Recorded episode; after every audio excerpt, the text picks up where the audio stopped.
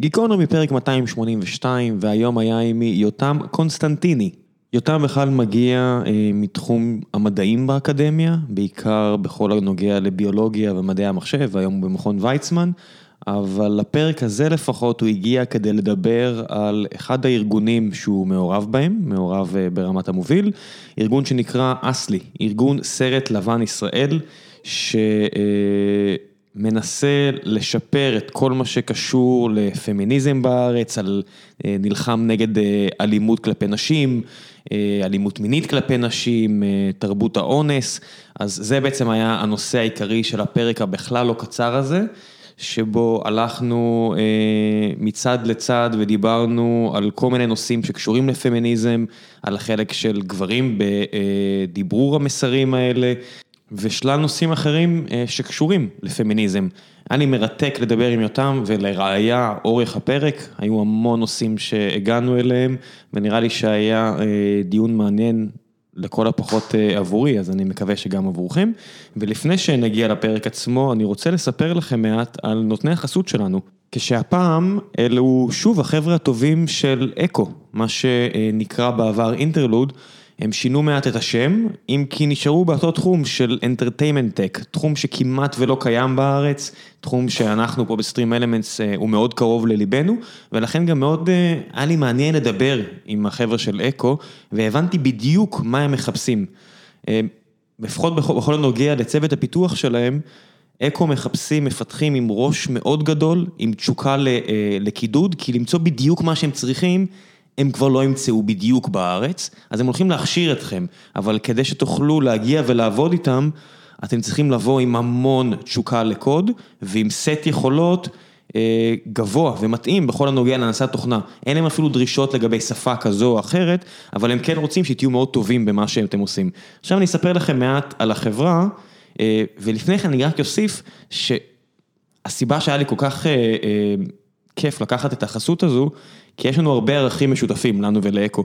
הם מחפשים אה, ליצור ארגון עם מעט מאוד שכבות של הנהלת ביניים, אה, לתת המון המון אחריות למפתחים, בשיטה שנקראת Extreme Ownership, שיטה שסיפרתי לכם עליה אה, לא מעט בזכות אה, ספר שקראתי ומאוד המלצתי עליו, אה, באותו שם, אה, Extreme Ownership, וכעת אני אספר לכם מעט על החברה, החברה עצמה מייצרת תוכן שהוא על התפר בין סדרת טלוויזיה, למשחק מחשב, שזה מעין אה, סרטים, סדרות או או קטעי וידאו שבהם הצופה יכול ממש לבחור אה, איך העלילה תתקדם. אני מניח שכבר ראיתם אם זה קליפים שהם עשו ביחד עם בוב דילן, או שלל יוצרים אחרים אה, כמו האחים רוסו שעשו את האבנג'רס שעובדים איתם.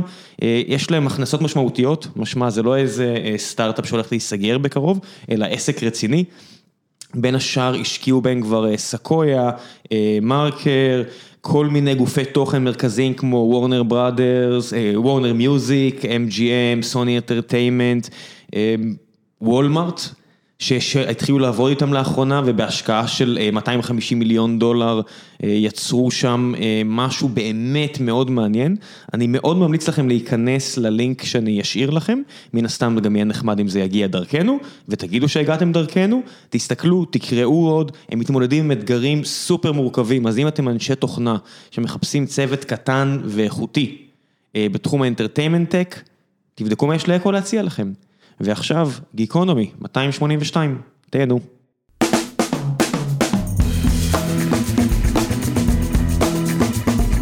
גיקונומי, פרק 282, והבוקר נמצא איתי יותם קונסטנטין, מתעקש על המבטא האיטלקי. זה מאוד חשוב. כן. מאיפה הגעתם באיטליה? אתה יודע? לא, לצערי לא מספיק טוב. אף פעם לא עשית איזה... לא. רוץ כזה? לא, אבל אה, עוד כמה חודשים מתוכנן טיול לאיטליה, ואז אני אדע יותר טוב לספר את הסיפור. עשית פעם אה, בדיקה גנטית? לא. כי אתה תמיד מספר בטח לעצמך שאתה איטלקי, בסוף תגלה אמת שונה לגמרי. אה, זה, יש לפחות רבע. לפחות רבע. זהו, אז אני גיליתי שאני רבע מזרחי, אני עכשיו יש לי את הקלף. אה, מברוק. כן, אני עכשיו הולך להשתמש בזה בכל מיני נקודות, להטיח את זה, אני אפילו 0-1 ניגרי. אז אני מרגיש שאם יום אחד אני אעמוד על במת סטנדאפ, אני יכול להגיד דברים שאנשים אחרים לא יכולים להגיד. חומר מצוין. אני חושב שלא, אבל אני לא, אני מצטער אם מישהו מאזין לזה והולך לתקוף אותי איפשהו, אז אני לא הולך לעשות את זה, אבל uh, בסדר. זה בסדר מאוד. תשמע, גם כן. כולנו, אם אה, נתחבר לנושא שלנו, כולנו חצי נשים. חצי נשים, אה, שמע, באופן כללי, אתה יודע, אפשר להסתדר בלי גברים בכלל, אפשר להעיף את הקרומוזום הסורר הזה. הפוך לא. אה, לא יודע אם להעיף אותו... כן, בתכלס כבר הגענו לרגע שאפשר. ביולוגית אפשר, אני מניח, אה, כן. הפוך עדיין אה, בעייתי. כן, זה בגלל שגברים הם חצי נשים. אתה אוהב מדע בדיוני? אני מחבב מאוד. קראת את חולית? לא, אז uh, בחולית של פרנק הרברט, הוא uh, רומז כל הזמן על כל מיני דברים ש... אתה יודע, הוא יצר יקום כל כך uh, נרחב ורחב, ואז בהמשכים אתה מגלה משהו על משהו שקרה באחד העמים, כשאתה ביקום, עם אנשים שלהם, שהם עשו להם דברים uh, לא לעניין. ואתה אומר, מאיפה זה מגיע? ואתה קולט שהוא כתב את זה בשנות ה-50, וזה עולם אחר מהיום. יש הרבה ספרות מדע בדיוני, מהיינלנד והרברט והכל, שאתה קולט שהם פשוט חיו בעולם אחר. זה... האמת היא, קראתי לאחרונה, בפעם הראשונה, באיחור את המדריך לטרמפיסט לגלקסיה. אה, וגם באמת כל כך הרבה דברים שמבחינתם הם היה את אה, מחשב ההסתברות, שהוא נתן מספר שאני מניח שמבחינת אה, אדם זה היה מטורף, הוא אומר, אה, 2 בחזקת 783, וזה משהו כאילו נורא בלתי סביר. זה מספר שהוא, חושב אם הם יודעים להתעסק איתו. כן, זה עדיין מספר נורא גדול. כן, בלי ספק זה מספר נורא גדול, זה, זה כאילו כבר אה, מה שנקרא tractable. כן, אבל זה, עדיין מספר שאם תשתמש בו להצפנה אתה... אה, אוקיי, אתה, בסדר שם, אה, בערך, אני יודע מה, עושים היום עם גוגל מחשוב קוונטי וכאלה, מה, מה הם יעשו עם זה, אבל בסדר. תגיד לי, איך הגעת למה שהגעת אליו? זאת אומרת, אתה באקדמיה, נכון? אתה ביולוג, כן. ואז פתאום, מה קורה? אמ, בגדול, הקרדיט הראשון, כאילו הקרדיט המסודר הראשון מגיע למישהי שיצאתי איתה, שהתנדבה במרכז הסיוע לנפגעות ולנפגעי תקיפה מינית תל אביב, ופשוט הייתי רב איתה על כל נושא פמיניסטי שעלה, זה היה פמיניזם ברשת בחיתוליו, או יותר נכון פמיניזם בפייסבוק בחיתוליו. אה, פשוט הייתי מגיע למריבות איתה, לצורך העניין, זוכר ריב מאוד גדול סביב קבוצה שנקראה גברים באוטובוסים. שהסיפור שם היה, נשים העלו תמונות מאיך גברים תופסים מקום באוטובוסים. manspreading. manspreading לדוגמה. אה, ואני ראיתי את זה, ואת האמת, כעסתי נורא. כעסתי נורא, והייתי מסתכל על התמונות לראות אם אני מזהה את המכנסיים או את החולצה. כי היו שם לא מעט התנהגויות, שהיו גם התנהגויות שלי, ואני לא הבנתי למה גברים צריכים לצמצם את המקום שלהם במרחב הציבורי, במקום שנשים גם תיקחנה את אותו המקום. רגע, מה ש- אתה צריך להסביר פה, שאתה אומר כעסתי נורא, כעסת על מי?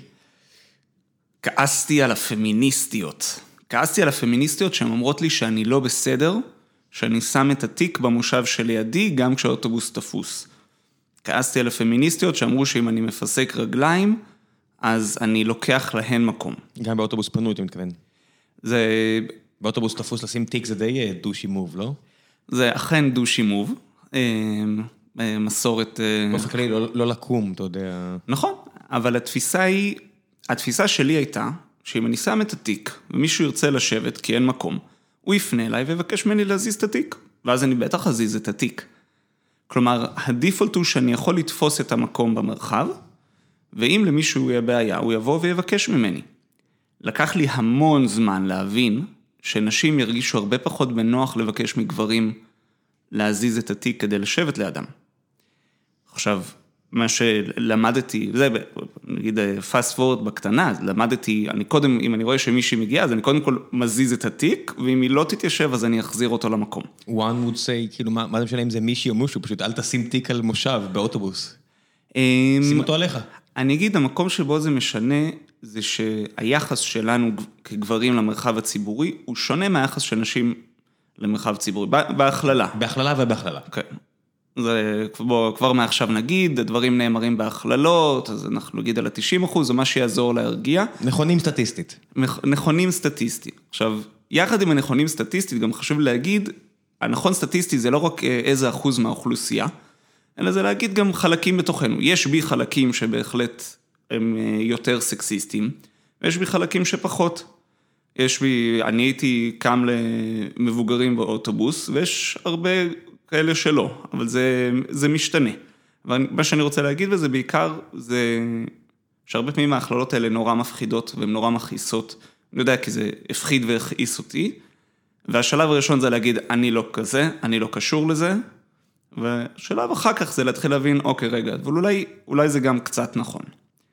אה, אז קבוצה של גברים באוטובוסים שנורא עצבנה אותי, מה שקרה זה שאחרי שהייתי רב עם אה, החבובה שיצאתי איתה, הייתי הולך לשבת עם ידידה שלי שנורא הערכתי, שכאילו הייתי הולך בעצם כדי לקבל את האישור שלה, כי אם היא תגיד שזה בסדר, אז אני בסדר. והיא פשוט הייתה מסבירה לי נורא נחמד ובנעימות למה אני טועה.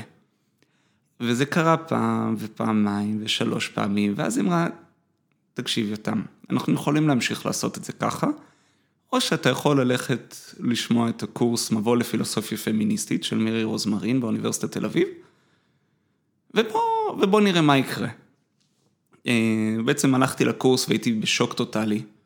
הייתה, קודם כל, 90 אחוז סטודנטיות בכיתה. הייתה, היו התלחששויות, כאילו היה איזה מפלצת. כל פעם שהמרצה אמרה משהו קצת מעניין, מרגש, כולם דיברו, כולם התרגשו, והמרצה, במקום להחזיק סדר, היא פשוט נתנה לזה לחיות. היא הבינה את הצורך בתגובות, באוורור, נתנה מקום לשאלות. ומעבר, גם התוכן, אבל גם ה setting של השיעור, היה כל כך מלמד שבסוף אותו סמסטר אז כבר נרשמתי לעוד אה, שלושה ארבעה קורסים. כשאתה בכלל מגיע מהמחלקה לביולוגיה, איזה דיון יש, איזה שיח, כי בסופו של דבר זה עובדות, קבלו את זה, או אז... לכו תשברו פרדיגמות מוכרות. כן, אז אני מגיע, בעצם למדתי בתוכנית בינתחומית שנתנה לנו ללמוד מכל מיני קורסים באוניברסיטה. אבל מצאתי את עצמי מושקע במדעים, בביולוגיה ובמדעי המחשב, אה, במקום שבו רגילים לחשוב שעובדות הן עובדות, ושאובייקטיביות זה ערך עליון. באמת? בפועל... תבין, זה מה שקורה, זה, זה רק באקדמיה מדעי המחשב. בעולם האמיתי אתה זורק איזושהי דעה על מדעי המחשב, ומיד חמישה אנשים אחרים יחלקו עליך. מכמות הרווחים בשורה ועד לאלגוריתם כזה או אחר והנכונות שלו.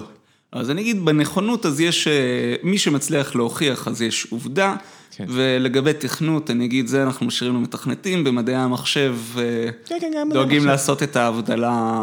זה, זה, זה, זה, זה גם, יש איזו השלכה טובה לדיון שאנחנו תכף נערוך, אבל במדעי המחשב אתה יכול להוכיח אה, אמיתות כאלה ואחרות, וזה נחמד, אבל בסוף כל העולם הוא יוריסטיקה אחת גדולה, ואתה צריך להשתמש במה שנכון עבור הסיטואציה. אז אני אגיד, יוריסטיקה זה מילה מצוינת בהקשר של מגדר, כי, כי הציפיות שלנו הן הרבה יותר יוריסטיות ממה שאנחנו, מהמציאות, ואנחנו לא מבינים כמה פעמים אנחנו בעצם מנחשים דברים על המגדר השני, ומנחשים שהמגדר השני דומה לנו. אמ, ואני אגיד, גם בעובדות אובייקטיביות, שנראות לנו אובייקטיביות, ההסתכלות היא הרבה פעמים מה שמכונה המבט הגברי. גם העובדות הן עובדות סטטיסטיות. העובדה היא תמיד עובדה, אתה אומר, על מגדר, היא לא על הפרט. נכון. היא סטטיסטית נכונה. היא סטטיסטית נכונה, כי שוב, בכולנו יש גם וגם. כן, לכו לפר, לפרק עם אה, פרופסור דפנה יואל, גם מאוניברסיטת תל אביב, שמסבירה אה, מבחינת מדעי המוח, למה גם וגם הזה. על המוח הפסיפסי. כן. אז יש פרק איתה, לא זוכר את המספר שלו, מסבירה את זה בין יותר טוב ממני וממך. חד משמעית. אז נחזור ליוריסטיקות ונתונים סטטיסטיים, או אמיתות סטטיסטיות. לגמרי. אמ, נגיד בין האמיתות הסטטיסטיות, לצורך העניין, אם נחזור חזרה לאוטובוס, האמת, מבחינתי הסטטיסטית זה שאם מישהו רוצה לשבת לידי, הוא יבוא ויבקש, כי אם אני הייתי רוצה לשבת ליד מישהו, הייתי בא ומבקש ממנו להזיז את התיק, כי גם היה לי ברור שהוא יזיז, ובכלל לא היה עולה בדעתי החשש שאם זה מישהו ששם את התיק שלו ויושב ברגליים מפוסקות, אז גם יש סיכוי יותר גבוה שהוא יטריד אותי. כי לא הייתי צריך לעשות את החישובים האלה. כי מעולם לא הטרידו אותך. אמ, סטטיסטית. כי סטטיסטית הוטרדתי הרבה פחות, ובעיקר הסיפור הטרדות מיניות ואלימות מינית הם לא חלק מהסיפור שגדלתי איתו. אמנם גם אני שמעתי את כיפה אדומה, אבל אני מעולם לא חשבתי שאסור, שאני צריך להימנע מלהיות כיפה אדומה. גם לא אמרו לי שאני צריך להימנע מלהיות הזאב, זה עוד עיסוק מאוד גדול, כן. אבל uh, התפיסה היא באמת במרחב הציבורי, שאם יש מקום, אז זה ממש בסדר שניקח אותו, ואם מישהו ירצה להתחרות איתנו, אז בגישה הליברלית אנחנו נצטרך לפתור את זה כמו שני גברים. ו... וכך, ו... וכך יהיה. אני אגיד לך מה, הקטע עם האוטובוס, בגלל שהרבה שנים אה, לא נסעתי בתחבורה ציבורית, היה לי את הפריבילגיה של ללכת ברגל לכל מקום, כי אני פה במרכז תל אביב ורוב עיסוקיי הם פה, ועכשיו יוצא לי לנסוע הרבה בתחבורה ציבורית, בגלל שאני צריך לשים את הילד בגן. ועגלה, מהבחינה הזו, זה super power בארץ. אני לא יודע אם אתה עדיין לא יודע, אתה צעיר, אבל עגלה זה super power. אתה עולה עם עגלה לאוטובוס, כולם ששים, זה לא ייאמן, לא משנה, אתה גבר, אתה אישה, התינוק, מה זה manspreading שם, שוכב, הרגליים שלו פסוקות לגמרי, מסתכל על כולם מלמטה, ועושה זוז, זוז, זוז, תורי, אה, זוז. לגמרי, ראיתי לפני יומיים היה מישהי שישבה, החזיקה עליה את התינוק, ומי שישבה מאחוריה פשוט החזיקה בשבילה את העגלה הריקה. כן, כן, כן, זה super power, אני אומר לך, בארץ, שאנחנו מאוד אה, מכבדים ילודה, כולם, לא משנה מה, זו סיטואציה, אתה יודע, אנשים עצבניים באוטובוס, כולם עולים, אתה בשבע בבוקר, זה כל התלמידים, כולם צפופים, אתה עולה עם העגלה כזה, התינוקות זה קסם. כן, כן. זה לא ברור מתי הרגע שבו מאבדים את זה. התינוקות? כן. כשמתחילים לדבר. אתה יכול כבר, אתה יודע, you count them, אה, הם, הם אחראים למעשיהם, זהו. זה כבר לא סתם אה, תראה אותו איזה חמוד, למה הוא צועק, ל... תגרום לו להפסיק חבוב. אני, אתה מפריע לי. ובשלב מסוים זה אומרים לו, אחי, סגור את הרגליים, אתה תופס פה מקום. לצערנו, על זה אני אגיד, אנחנו, שוב, כחלק מהיוריסטיקה הגברית שלנו, ההנחה היא שאם מישהו עושה משהו בעייתי, אנחנו נעיר לו על זה. והרבה פעמים גברים אומרים, טוב, אני קודם אגיד משהו, אם זה יהיה בעייתי, אני קודם אגיד משהו, אני קודם אעשה משהו, ואם זה יהיה בעייתי, אז יגידו לי, אז יעצרו אותי. זה, זה המשחק שלימדו אותנו. אתה קודם חוצה גבול, ואז בודק מה התגובה. שוב, סטטיסטית, אל תקפצו, אותי חינכו אחרת, ידה ידה ידה. אני אגיד, אני גדלתי... תפיסות חברתיות. תפיסות חברתיות. אני גדלתי בתור ילד טוב ירושלים. למדתי בתיכון של חנונים. איפה גדלת? בבית הכרם. למדתי בלידע. באמת, באמת תיכון של חנונים. מי שלא מכיר, לידע, תיכון מאוד נחשב ב- בירושלים. אה, כן, בגדול. זה, הרבה, זה התיכון שליד האוניברסיטה. והרבה ילדים של אנשים מהאוניברסיטה. וגדלנו בתפיסה שאנחנו ג'נטלמנים ושאנחנו אבירים. ועדיין הסקסיזם והמיזוגניה וההרגלים הרעים לגבי מיניות עדיין היו חלק. התפיסה הזאת שאתה קודם מנסה ואז בודק, היא, תבואה. אנחנו לומדים אותה מהסביבה, אנחנו מבינים שככה צריך לעשות. אתה קודם מנשק, או בא לנשק, ואז רואים מי מזיזה את הפרצוף. לא יעלה בדעתנו לשאול אם זה מתאים. לא יעלה בדעתנו להתקרב ולעצור ולחכות לצד השני. בין השאר כי זה גם נתפס לא גברי. זה מביך. ושוב, אם נחזור, גם באוטובוסים אתה לא, אתה קודם עושה, ואז אתה מצפה שיגידו לך שזה בעייתי. כן, אבל רון... כן. מישהו אחר יכול להגיד שמבחינה טבעית, אני עושה פה במרכאות, ברוב המקרים, אצל רוב הזנים בעולם, אם אנחנו עדיין מחשיבים את עצמנו כחיה, הגבר הוא היוזם. אה, ההתנהגות שאתה מתאר היא נכונה סטטיסטית להרבה מינים בטבע, פשוט אתה אומר... אנחנו לא בטבע. על זה, אם נחזור אפילו למדע הביולוגי שחושב שהוא אובייקטיבי, כן. התצפיות על הטבע והמינים שמספרים לנו את הסיפורים עליהם, זה ברובם יהיו סוציו-ביולוגים גבריים, שמנסים להסביר למה העולם הגברי, כמו שהוא בבני אדם, מתאים לעולם החיצוני. לצורך העניין, יחסים הומוסקסואליים בין בעלי חיים, זה לא משהו שמדברים עליו בבית ספר, או תיכון, אבל יש לא מעט מינים של בעלי חיים שזו הפעילות העיקרית שלהם. ג'ירפות מקיימות יותר יחסי מין הומוסקסואלים, מאשר יחסי מין הטרוסקסואלים. אבל לא מדברים איתנו על זה. לא אומרים, רגע, בוא נראה את הג'ירפות, הם ביסקסואלים כולם. אולי גם אנחנו ביסקסואלים כולנו, ואולי לשם צריך לשאוף. ההגדרה פה של יחסי מין כבר מתחילה, אתה יודע, כמה כבר זנים בטבע מקיימים יחסי מין לשם הנאה. זה מספר יחסית מועט מאוד מבין מאות מיליוני ככה. סוגים של חיות בעולם. אני אגיד, קודם כל אנחנו גם יכולים, אם אנחנו הולכים בטיעון של הביולוגיה, שזה בדרך כלל מה שהחוקרים עושים, שמנסים להצדיק בעזרת הביולוגיה את המין האנושי, אז אנחנו נגיד, בוא נסתכל על היונקים הגבוהים, אלה שיותר דומים לנו, אלה שבאמת מקיימים יחסי מין למטרות הנאה, ושם אנחנו רואים שיש המון יחסי מין הומוסקסואליים, יש גם מינים שיש בהם אפילו יחסי מין אוראליים גם, ויש אורגיות, ויש חבורות, ויש multi male, multi female. כן, ככל שתתקרב יותר מבחינת, אה, לא מבחינה, אה, מבחינה, איך זה נקרא? אה, פילוגנטית? פילוגנטית, כן, המשפחה הגנטית, אז מן הסתם אתה תראה התנהגויות שכבר יותר קרובות לך. ואתה תראה בעיקר את הקשת, את קשת האפשרויות. אחת הביקורות, וזה דפי יואל באמת אומרת הרבה, זה שהמגדר מאוד מצמצם אותנו. כי הוא אומר לנו, מבין הקשת הזאת, החצי השמאלי יהיה לנשים והחצי הימני יהיה לגברים. כן, אני אגיד לך מה הבעיה שלי, אבל עם הטיעונים האלה, וזה טיעונים שמגיעים הרבה, אה, ב- מן הסתם בלימודי מגדר, למשל על יחסים הומוסקסואליים, אתה אומר, הנה תסתכלו, אה, או, או כל מיני כאלה, תסתכלו, בטבע זה קיים, משמע זה בסדר, הקשת קיימת. מצד שני, אני מסתכל על תרבות קופים, ואתה רואה, או בכלל תרבות של חיות להקה, ואתה רואה alpha male שהוא סופר אגרסיבי ואלים, ואתה אומר, אוקיי, זה לא טוב. אז אני זה לא ניקח, אתה עושה pick and choose. אני רוצה להגיד... במעבר הזה מביולוגיה לסוציולוגיה. השיטה זה להגיד, מי שמביא טיעון בביולוגיה, אני אביא טיעון נגדי בביולוגיה, ואז נסכים, בגלל שהוא לא רוצה לקחת את שלי ואני לא את שלו, שצריך להעביר את הדיון למקום אחר. לגמרי. אבל אני אגיד, חלק, מ, חלק מביקורת של פילוסופיה של המדע ופילוסופיה פמיניסטית של המדע, זה להסתכל איפה המגדר הגברי של החוקרים גרם להם להסתכל על הסיטואציות מתוך נקודת מבטם וכדי להצדיק את המציאות שהם רואים. גברים הסתכלו על זכר אחד, ראו שמקיים יחסי מין עם כמה נקבות, ואמרו, יש לנו פה פוליגמיה. הם לא הסתכלו על נקבה וראו שהיא שוכבת עם כמה זכרים באותו המין, ואמרו, יש לנו פה מטריארכיה. אבל זה כן קורה, זאת אומרת, אנחנו כן יודעים שיש זנים שאנשים מנסות אה, לקיים יחסים מיניים כמה שיותר זכרים, גם כדי שהזכרים לא יתקפו את הצאצאים לאחר מכן, שיהיה אה, בלבול לגבי של מי הצאצא, זו התנהגות שהיא רווחת.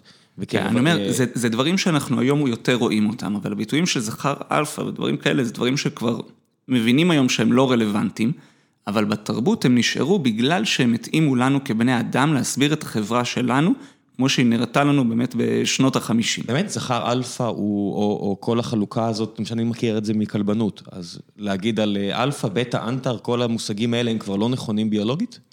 אז אני אגיד, זה, העניין הוא שזה הרבה יותר גמיש מזה. עבור מי? עבור קופים? עבור, עבור הרבה מאוד מינים, בין השאר גם אצל הכלבים, יש מקומות שזה הרבה יותר גמיש, יש מקומות שיש להקות של נקבות שזה בעצם פתרון, או איזשהו counter לזכר אלפא.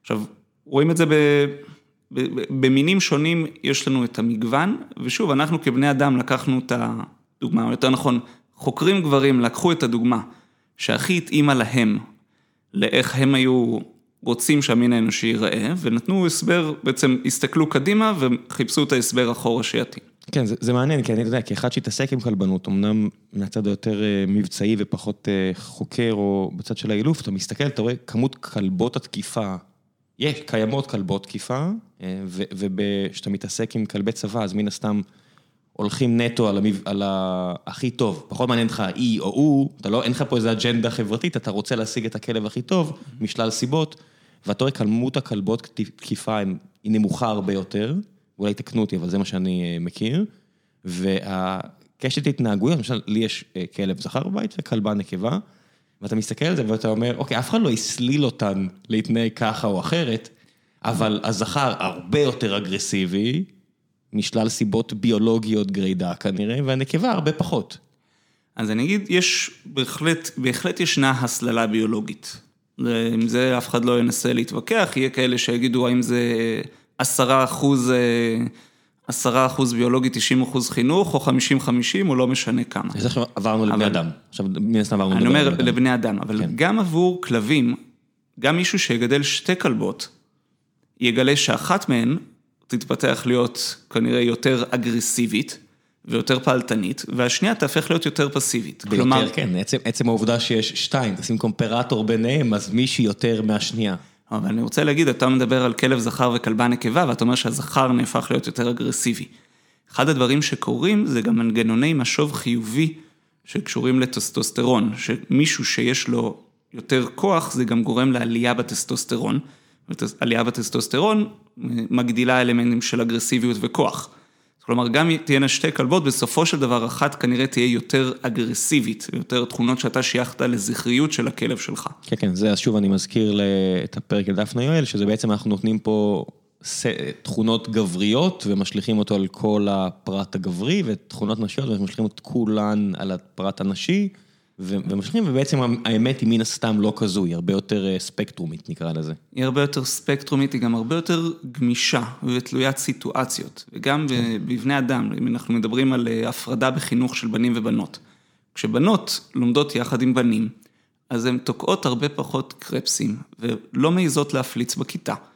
וכשבנות לומדות עם בנות, זה קורה יותר. וכשבנות לומדות עם בנים, הן פחות שואלות שאלות.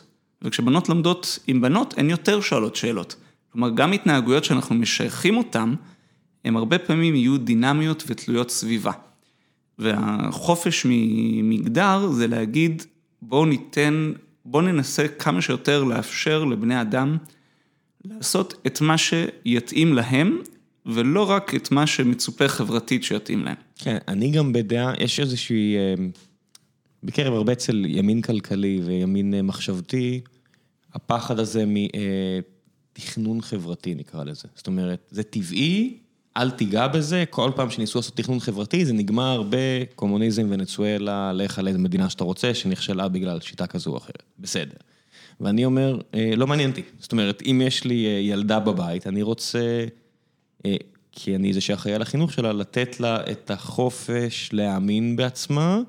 ופחות מעניין אותי אם יש נטייה קלה לשם או לשם, ומה טבעי ומה לא טבעי וכל הדברים האלו. אני מודה שזה על עצמי, ואני אפילו כחברה, זה, אני לא רואה את היתרון בללכת על טבעי, כי שום דבר לא טבעי. בסופו של דבר יש התערבות כמעט בכל דבר אפשרי, פשוט ההתערבות מוטה לכיוון כזה או אחר. לגמרי, ושוב, אחד הדברים היפים, גם דפי יואל אומרת את זה, אם זה היה טבעי, לא היה צריך למשטר את זה. אין טבעי, okay. אוקיי. הביטוי הזה טבעי הוא הוא, הוא כל כך מטופש, תסתכלו סביב, מה טבעי? מה טבעי? וגם יגידו לך, שוב, זה אולי גישה יותר של אה, פוקו בפילוסופיה, הוא יגיד, מי שמצליח לקבוע מה נחשב לטבעי, בעצם מפעיל כוח על החברה, כי, כי טבעי זה צורה של טיעון. אם אני אומר לך, שלצורך העניין, אם אנחנו נגיד שיחסי מין הומוסקסואלים זה טבעי, אנחנו בעצם נשתמש, כאילו נגייס לטובתנו את אה, המדע העליז בשביל להצדיק את הטיעון שלנו לטובת יחסי מין הומוסקסואליים. כלומר, אפילו השימוש במילה טבעי הוא בעצם שימוש של הפעלת כוח. כן, אני אומר, תשבור את הפרדיגמה לגמרי, זאת אומרת, הטבעי עבור רוב האנשים זה לחזור הביתה ולרבוץ. אני אומר, לא, צא להתאמן, צא ללמוד משהו, עזוב את הטבעית, מי זה מעניין? הטבעי הזה של מה שנוח לי וקל לי לעשות, נוח לך וקל לך לאכול סוכר. אפשר להסביר מבחינת פסיכולוגיה אבולוציונית, למה יש לנו נטייה לאכול סוכר? מי זה מעניין? כאילו, אתה יודע, אנחנו בוחרים, אנחנו עושים pick and choose של לברוח מהטבעי הזה בכל כך הרבה מקרים, אבל במגדר רצים לזה, טבעי שלנשים יהיה יותר קשה בקרבי. So the fuck, אז מה? אז מה? אנחנו לא מחפשים את הפתרון הקל בשום מצב אחר, אז למה דווקא שם? אז אני אגיד, ואני אקח את זה לשני כיוונים. גם אני אגיד, אני לגמרי מקבל את הטיעון שלך שאנחנו כחברה גם מתרחקים מהטבעי יותר ויותר, ואני רוצה להגיד גם למי שחושב שחשוב לו הטבעי הזה, אני רוצה להגיד באמת, אם זה היה טבעי, לא היה צריך להפעיל כל כך הרבה כוח. לצורך העניין, אני אספר על עצמי, בכיתה ז' הייתי יושב עם רגליים מסוכלות ברך על ברך, כמנהג הנשים. והבנים סביבי ירדו עליי והם אמרו, מה זאת אומרת, אם אתה גבר, אז אמור להיות לך משהו בין הרגליים שיפריע לך לשבת רגל על רגל.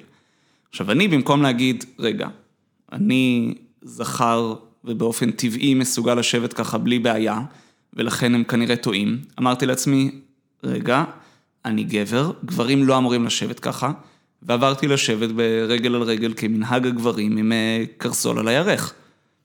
קרסול על הירך, אוקיי. קרסול על הירך עם קצת מנספרדינג. אה, עכשיו הישיבה הזאת היא בעצם, אני לא, בעצם אותם חברים השתמשו בטבעי אמרו, באופן טבעי זה אמור להיות לך לא נוח. זהו, אני בגיל הזה עשיתי דווקא. אני אמרתי, אין בעיה, אז אני אשים את הרגל על הרגל ו... אז אני, כן. אז אני עברתי אני לשבת. זוכר את הטיעון הזה, כן. אז היה, יש את הטיעון הזה, אני עברתי לשבת בצורה הגברית, אבל הם, הם השתמשו בטבעי כדי למשטר אותי. עכשיו, אני, אם, אם, אם באמת זה היה טבעי, אז לא הייתי יושב ככה מלכתחילה, אבל כנראה שהיה לא, צריך לתת את גם- הדחיפה הזאת. גם זה לא טיעון, אני יודע מה, תמיד, אתה יודע, כמו שאנחנו אומרים, נכון סטטיסטית. אז אתה יכול להגיד שלרוב הגב, הגברים יהיה נוח לשבת ככה. So what? אז מה? אני אגלה לך את האמת, גם לרוב הנשים נוח לשבת ככה, מה זה ככה, עם רגליים פרוסות? עם הרגליים יותר פרוסות. אבל, לא יודע, הרבה פעמים נוח לי. עכשיו, בזמן שאני מדבר איתך, אולי זה... אה, לא, האמת שזה היה לפני שאמרת את זה, אני יושב רגל על רגל אה, משוכל, כי זה יותר נוח לי הרבה פעמים. יש לי יותר נוח לי לשים את, הידיים. אז אני, אגיד שוב, לשני הכיוונים, גם עכשיו, זה, אפשר להגיד עכשיו זה יותר נוח לך ולי, כי הסבירו לנו שאסור לנו לשבת אחרת, אז מלכתחילה, זה בכלל, סגרו לנו את הדלת, זה לא, לא הייתה אני יושב- אופציה. אני יושב ברגליים משוכלות, כמו שאתה אומר שאני לא אמור לשבת. עם הברך על הברך. כן, אה, fuck it, יותר נוח לי ככה.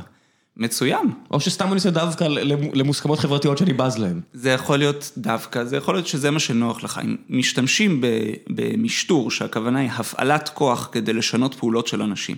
אז משתמשים במשטור כדי להגיד לך, אל תשב ככה. אז בעצם אומרים, זה לא טבעי, כי היה צריך להפעיל כוח. אה, כיוון שני, אני רוצה להגיד לך, אמרת לבנות בקרבי.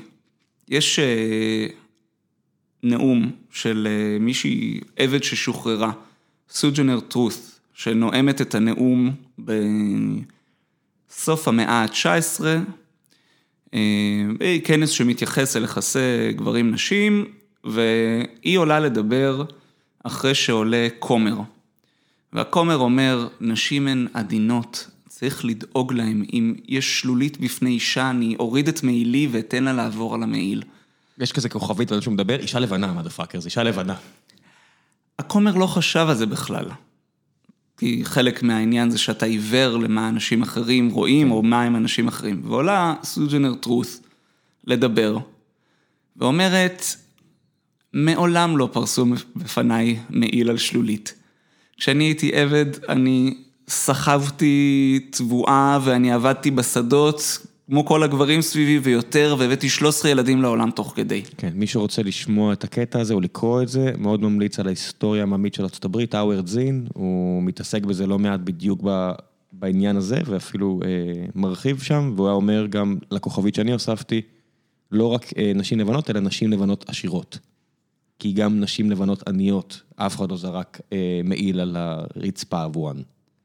נכון, אני אומר, התפיסה, בגלל הערבוב ובגלל הדינמיות, הער- הערבוב בין טבעי לסביבתי, אוקיי? אם אישה חיה בעולם שבו היא צריכה להיות עדינה ושאם היא תהיה שלולית יפרסו בפניה מעיל, אז המחשבה שבגיל 18 היא תתגייס לקרבי, היא, היא, היא נסגרה בתוך קשת האפשרויות, היא הפכה להיות משהו שהוא כל כך אזוטרי, שהסיכוי שלה מלכתחילה להגיע לגיל 18 עם הכשירות לעמוד בזה, היא תהיה שונה.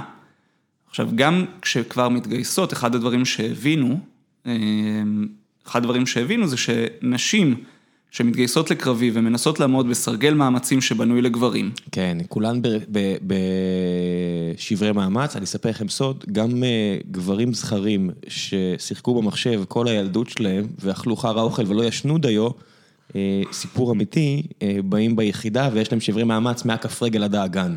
deal with it. אתה רוצה, זה, זה העניין, זה יחידה התנדבותית. איזה קטע, יושב אה, מולך תותחן לשעבר שסבל אה, אחרי חודשיים משין ספלינס ולא יכל לעמוד. כן, כן, בגלל- זה קורה. מה, אף אחד לא הבטיח, אם אתה לא גדלת בצורה הנכונה, אף אחד לא הבטיח לך שזה פשוט, אתה יודע, שזה יהיה קל. זה לא טבעי. זה, זה לא טבעי וגם ב, לחשוב שעל גבי זה גם בונים את ההשלכה שנשים, אם הן רוצות להיות בקרבי אז הן צריכות להיות כמו גברים. עזוב, גם מי שעושה את זה הרבה פעמים, וזה כל מיני הלל גרשוני או כל הגרשוניז, ואתה מסתכל עליהם, ופגשתי את כולם, נראה לי, או את רובם, ואתה אומר, אחי, אני אקח אותך עכשיו לגיבוש, אה, איזשהו גיבוש ארבעה ימים, אתה חוזר שמץ אחד גדול. אתה, כגבר. זה אחד? אחד הדברים שיש. הכוח של קבוצה זה שאתה יכול להתגאות בדברים שאנשים אחרים עשו. וחלק מהעניין בלהיות גבר זה התחושה הזאת שמגיע לנו זכות, כי אנחנו שייכים לקבוצה הזאת שחברים בה עשו דברים אדירים. זה כמו היה את הסקר הזה על איזה אחוז מהגברים חושבים שהם יכולים לנצח את סרינה וויליאמס בטניס. או, או לנצח כל לוחמת UFC במכות, אתה יודע, זה, זה, זה, זה קטע נפוץ ב-MMA, שעד שנכנס MMA נשים, העניין הזה של I can take her, לא אתה לא. לא אתה לא. שום סיכוי. אפס סיכוי, אפס. אפס סיכוי. כמו שהסיכוי שלך לנצח את סרינה וויליאמס בטניס הוא אפס. אפס. גם שהיא עכשיו פחות טובה, אפס. אפס. לא אפס נקודה משהו. אפס. כי זה לא מזל. אין מזל. אפס. זה, זה מדהים, המחשבה הזאת שאין לך סיכוי, אבל אין לך.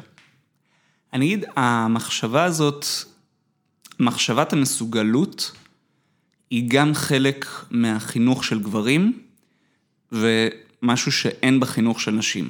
אני יודע שאני כגבר גדלתי בתפיסה שאם יש משהו חדש, אני כנראה אצליח בו. התפיסה, אני לא יודע איך לעשות את זה, אבל אני כנראה יכול. כן, אני אגיד ששוב, זה, אם נלך לאוור זין, הנקודה פה זה גם אה, גבר עם משפחה סוציו-אקונומית מספיק אה, גבוהה, שהביאו לך את התחושה של המסוגלות. הבעיה פה היא הרבה יותר רחבה מגברים נשים, אני אגיד, התחושת מסוגלות הזו. היא בהחלט, היא בהחלט יותר רחבה, היא בהחלט קשורה לסטטוס, אבל ככלל, בכל אוכלוסייה, גברים, נשים, לגברים יש תחושת מסוגלות גבוהה יותר מאשר כן. הנשים שלצידם. אז אני אגיד לך, אה, היום אני אאמר שאישה שגדלה בבית עשיר, תחושת המסוגלות שלה גבוהה יותר מגבר שגדל בבית עני. אני... על, על להקים עסק, על אה, לקחת על אה, סיכונים פיננסיים, על הרבה מאוד דברים, בסופו של דבר כסף מנצח הסללה חברתית. אני חושב, פה אפשר לדבר על הספקטרום ולדבר על דברים שונים. לצורך העניין, תחושת המסוגלות... סטטיסטית אמרתי, סטטיסטית. רגע, שנייה. כן, כן. אני רוצה להפריד זה, אבל תחושת המסוגלות שלה להקים עסק, אני הולך איתך, גם אני לא מכיר מספיק בנושא. תחושת המסוגלות שלה להחליף גלגל, תחושת המסוגלות שלה לתקן סתימה בכיור, להחליף שקע חשמל, כל מיני דברים שהם פיזיים וקטנים, תחושת המסוגלות תהיה פחות גבוהה מאשר... אז, אז אני אטען שבמקרה הזה, אה, אישה ממעמד סוציו-אקונומי נמוך שנאלצת לראות שעושים את זה, או עושה את זה בעצמה, המסוגלות שלה יותר מגבר לבן עשיר מאוד, המסוגלות שלו היום, סטטיסטית, אני אקח הימור, של להחליף צמיג, אה, לתקן משהו בבית, ירדה ל- למקום מאוד נמוך. אני רוצה אבל להבדיל בין מסוגלות לבין תחושת מסוגלות. מסוגלות, מסוגלות. אם אתה 30 שנה לא עשית כלום, אני אתן לך עכשיו לעשות משהו, תחושת הפאניקה תהיה עזה. אז אני אגיד, גם, יש את הפאניקה, אבל עדיין תחושת המסוגלות, ההבנה של טוב, אני אנסה פעם, פעמיים, זה ילך, אני חושב שזה משהו שהוא מוטבע יותר עמוק. אגב, תראה, עם נשים שצריכות לעשות בעצמם עבודות בית, תראה שזה, ב, לא את העבודות תיקונים, תראה שבהרבה מאוד מקרים, אלו בנות שלאבא שלהן היה חשוב ללמד אותן את הדברים האלה. או שהמציאות כפתה עליהן את הדבר הזה. יש שם, יש שהמציאות כפתה, זה בהחלט קורה, אבל הרבה פעמים יש משהו שצריך, בעצם האדם עם הכוח צריך לתת את האישור לכך שאתה מסוגל, זה מתחבר למושג באולי פסיכולוגיה פמיניסטית, שנ... או בכלל בפסיכולוגיה שנקרא הכרה, recognition. זה הדוגמה הכי טובה, זה ילד בן 4-5 שלמד לקשור שרוכים, ורוצה לבוא, בעצם עד שלא, עד שהוא לא הולך לאחד ההורים שלו ואומר, תראו, תראו, קשרתי לבד, עד שלא אומרים לו, וואלה, קשרת לבד, הוא לא יודע. עד שלא נותנים לו את ההכרה, הוא לא יודע שהוא קשר לבד, הוא לא יודע שהוא מסוגל. לא, לא, אין, אין ספק, זה גם, זה, הרי זה, אנחנו לא מדברים פה על דיון שתלוש מהמציאות. 5,000 או 4,000 שנה של היסטוריה אנושית, מה שנקרא, מאז הפרה-היסטוריה, נשים היו בעמדת, ה... לא בדרייבר סיט, הם היו בצד. אה, בכל התרבויות, אתה יודע, ב-99.99 אחוז, זה נחמד שיש אה, שבט אחד באפריקה שזה אחר בו, או משהו כזה, אבל ברוב המוחלט של התרבויות, נשים היו בצד השני. אז מן הסתם, יש איזה שאריות, טבעי, לא טבעי, כל הדיון הזה, אני חושב, הוא, זה רק להסביר מה, למה זה נגרם, במקום להגיד, שטויות, תעשי. כהורה, כן? שטויות תעשי. זאת אומרת, התקרת זכוכית הזו, קטן עלייך, שטויות תעשי. אחד הדברים שיש, אה, יש אופטימיות נורא גדולה לגבי היכולת של הורים לשבור תבניות מגדריות אצל הילדים שלהם. בוודאי. ואני מאוד מבין את, את הצורך של הורים להגיד את זה ולהרגיש את זה, אבל אחד הדברים היותר עצובים נקרא לזה, זה שמגדר זה משהו שנלמד בקבוצת השווים. מה שנקרא ל- peer group. כל עוד אתה אומר לילדה שתלמד מהקבוצה, או שאתה, איך אתה מעודד אותה גם. אז זה, אני אגיד, כשהילדה הולכת לגן, והיא מבינה את עצמה כבת, ורואה את הבנות יושבות עם הבובות, ואת הבנים יותר משחקים בחול, היא, כחלק מזה שהיא מבינה את עצמה כבת, מבינה שהיא צריכה לשבת עם הבנות. עכשיו, יחידות סגולה בגן מסוגלות כבר להתנגד מזה, ויחידי סגולה מהבנים מסוגלים להתנגד בזה, וזה בדרך כלל אלה שקיבלו חינוך טוב מהבית, אבל כשמגיעים לכיתה ג'-ד', זה כבר, זה כבר די נגמר. כן, אני אומר, כל הדברים האלה נכונים לתקופה שכתבו את הספרים, או לתקופה שהפרופסורית גדלה. הם נכונים היום. תקשיב, היום אני, אני קורא תלמידים שאומרים, אה, זה כבר לא cool להיות סטרייט. זאת אומרת, אתה רואה מחקרים שמראים, השינוי הוא כל כך קיצוני בקרב אגיד- ה-inner... אני אגיד במקום מאוד, באמת באזורים מאוד מסוימים בוודאי. של תל אביב. לא, אני לא מדבר על עולם, בעולם, אני מדבר על זה ניו יורק, ברלין, סן פרנסיסקו, ובשאר האזורים, גם ההורים לא רוצים את מה שאתה מציע, גם הגננת לא רוצה. אני אגיד, אבל גם במקומות שהורים רוצים. בוא נגיד ככה, גם הילדים של מובילות הארגונים הפמיניסטיים, אוקיי? עדיין בעצמם מגיעים לכיתה ג'-ד', הבנים מבינים את עצמם כבנים והבנות מבינות את עצמן כבנות. וזה כוח שהוא חזק באופן בל יתואר. עכשיו, אם נוסיף לזה את העובדה שהורים ממעטים ממש לדבר עם הילדים שלהם על מיניות, אז ההרגלים של המיניות והתפיסות לגבי רומנטיקה מגיעות מתוך הסביבה. כן, ברגע שזה מגיע למיניות אני איתך לגמרי, בגלל שלא מדברים על זה הרבה, זאת אומרת אין, אין שיג ושיח, וכשאין שיג ושיח אתה נשלט על ידי כוחות חיצוניים שהילד מגלה לבד, ופורנו פה, הוא לגמרי איתך. אני, הט- אני רוצה שלך. להגיד, אבל בא לי להגיד, זה יותר מהמיניות. זה אפילו, זה זה, בטוח, בע- כן. זה בעניין, ש- מי מתחיל עם מי, זה, זה גם מחוץ לפורנו. זה בתרבות, וכמובן שבתרבות יש עוד הרבה מעבר, אבל גם דברים, אני אגיד לך משהו שלי היה מאוד לא נעים לגלות על עצמי, בערך לפני שנה וחצי, שהנחת המוצא שלי, זה בסטטיסטי, ברגיל, זה שנשים פחות יודעות על מה הן מדברות לעומת גברים.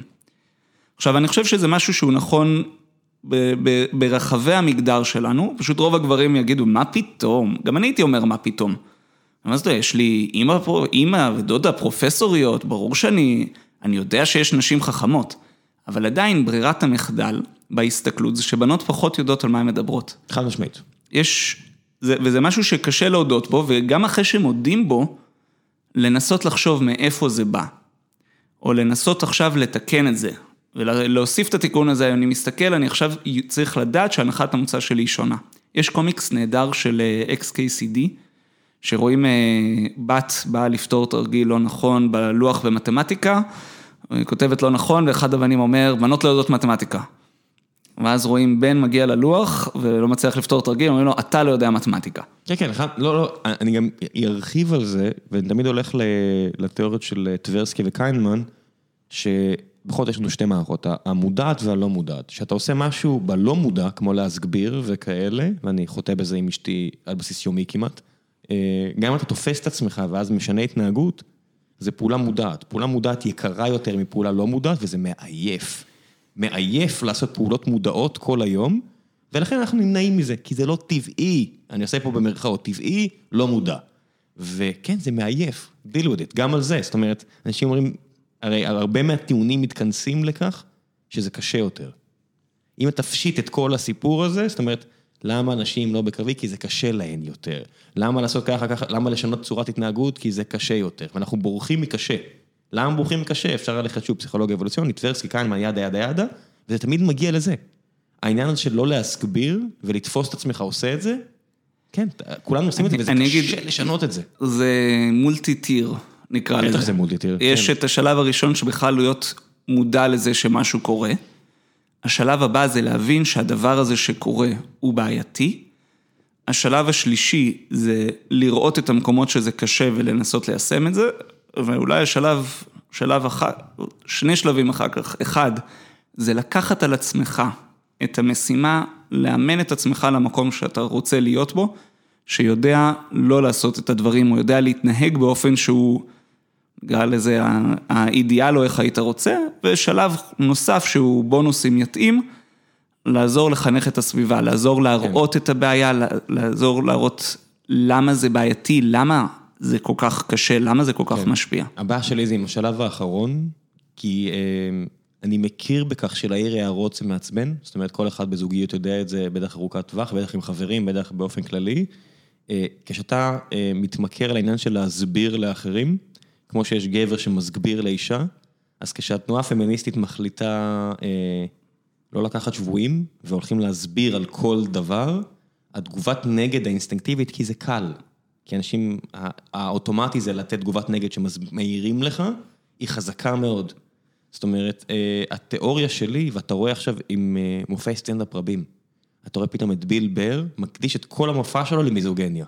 ואתה רואה את לואי סי קיי מן הסתם עושה את זה כי הוא בצד השני לגמרי כבר, אחרי מה שהוא עשה, ואת אה, דייב שאפל במופע מיזוגני לגמרי, ואתה רואה הרבה מאוד אנשים מריעים להם, כי העירו להם כל כך הרבה פעמים.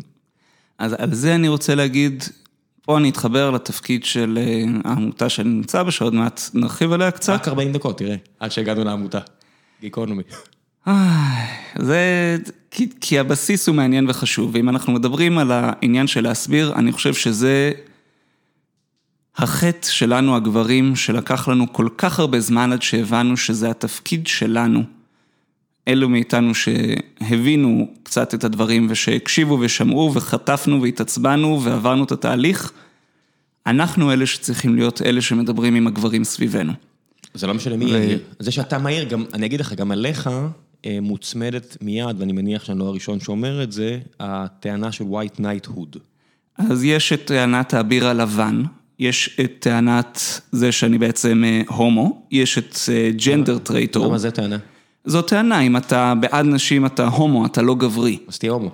אה, זו טענה שיש לה הרבה מאוד כוח. אה, יש, יש לה כוח אם אתה נותן לה כוח. אני אגיד, יש לה כוח בגלל שכולנו יצורים חברתיים, ואנחנו הגברים למדנו טוב מאוד שהומו זה רע, וגם הומואים מבינים שהומו זה רע, זה, זה עולם בעייתי, אי אפשר, אני, אי אפשר לפתור את זה בלהגיד כי אתה נותן לזה כוח. לא, זה תלוי גם מאיפה אתה מגיע, ברור. זה, זה בהחלט תלוי מאיפה אתה מגיע, אבל אני אגיד, זה, זה טענה שצריך להתמודד איתה.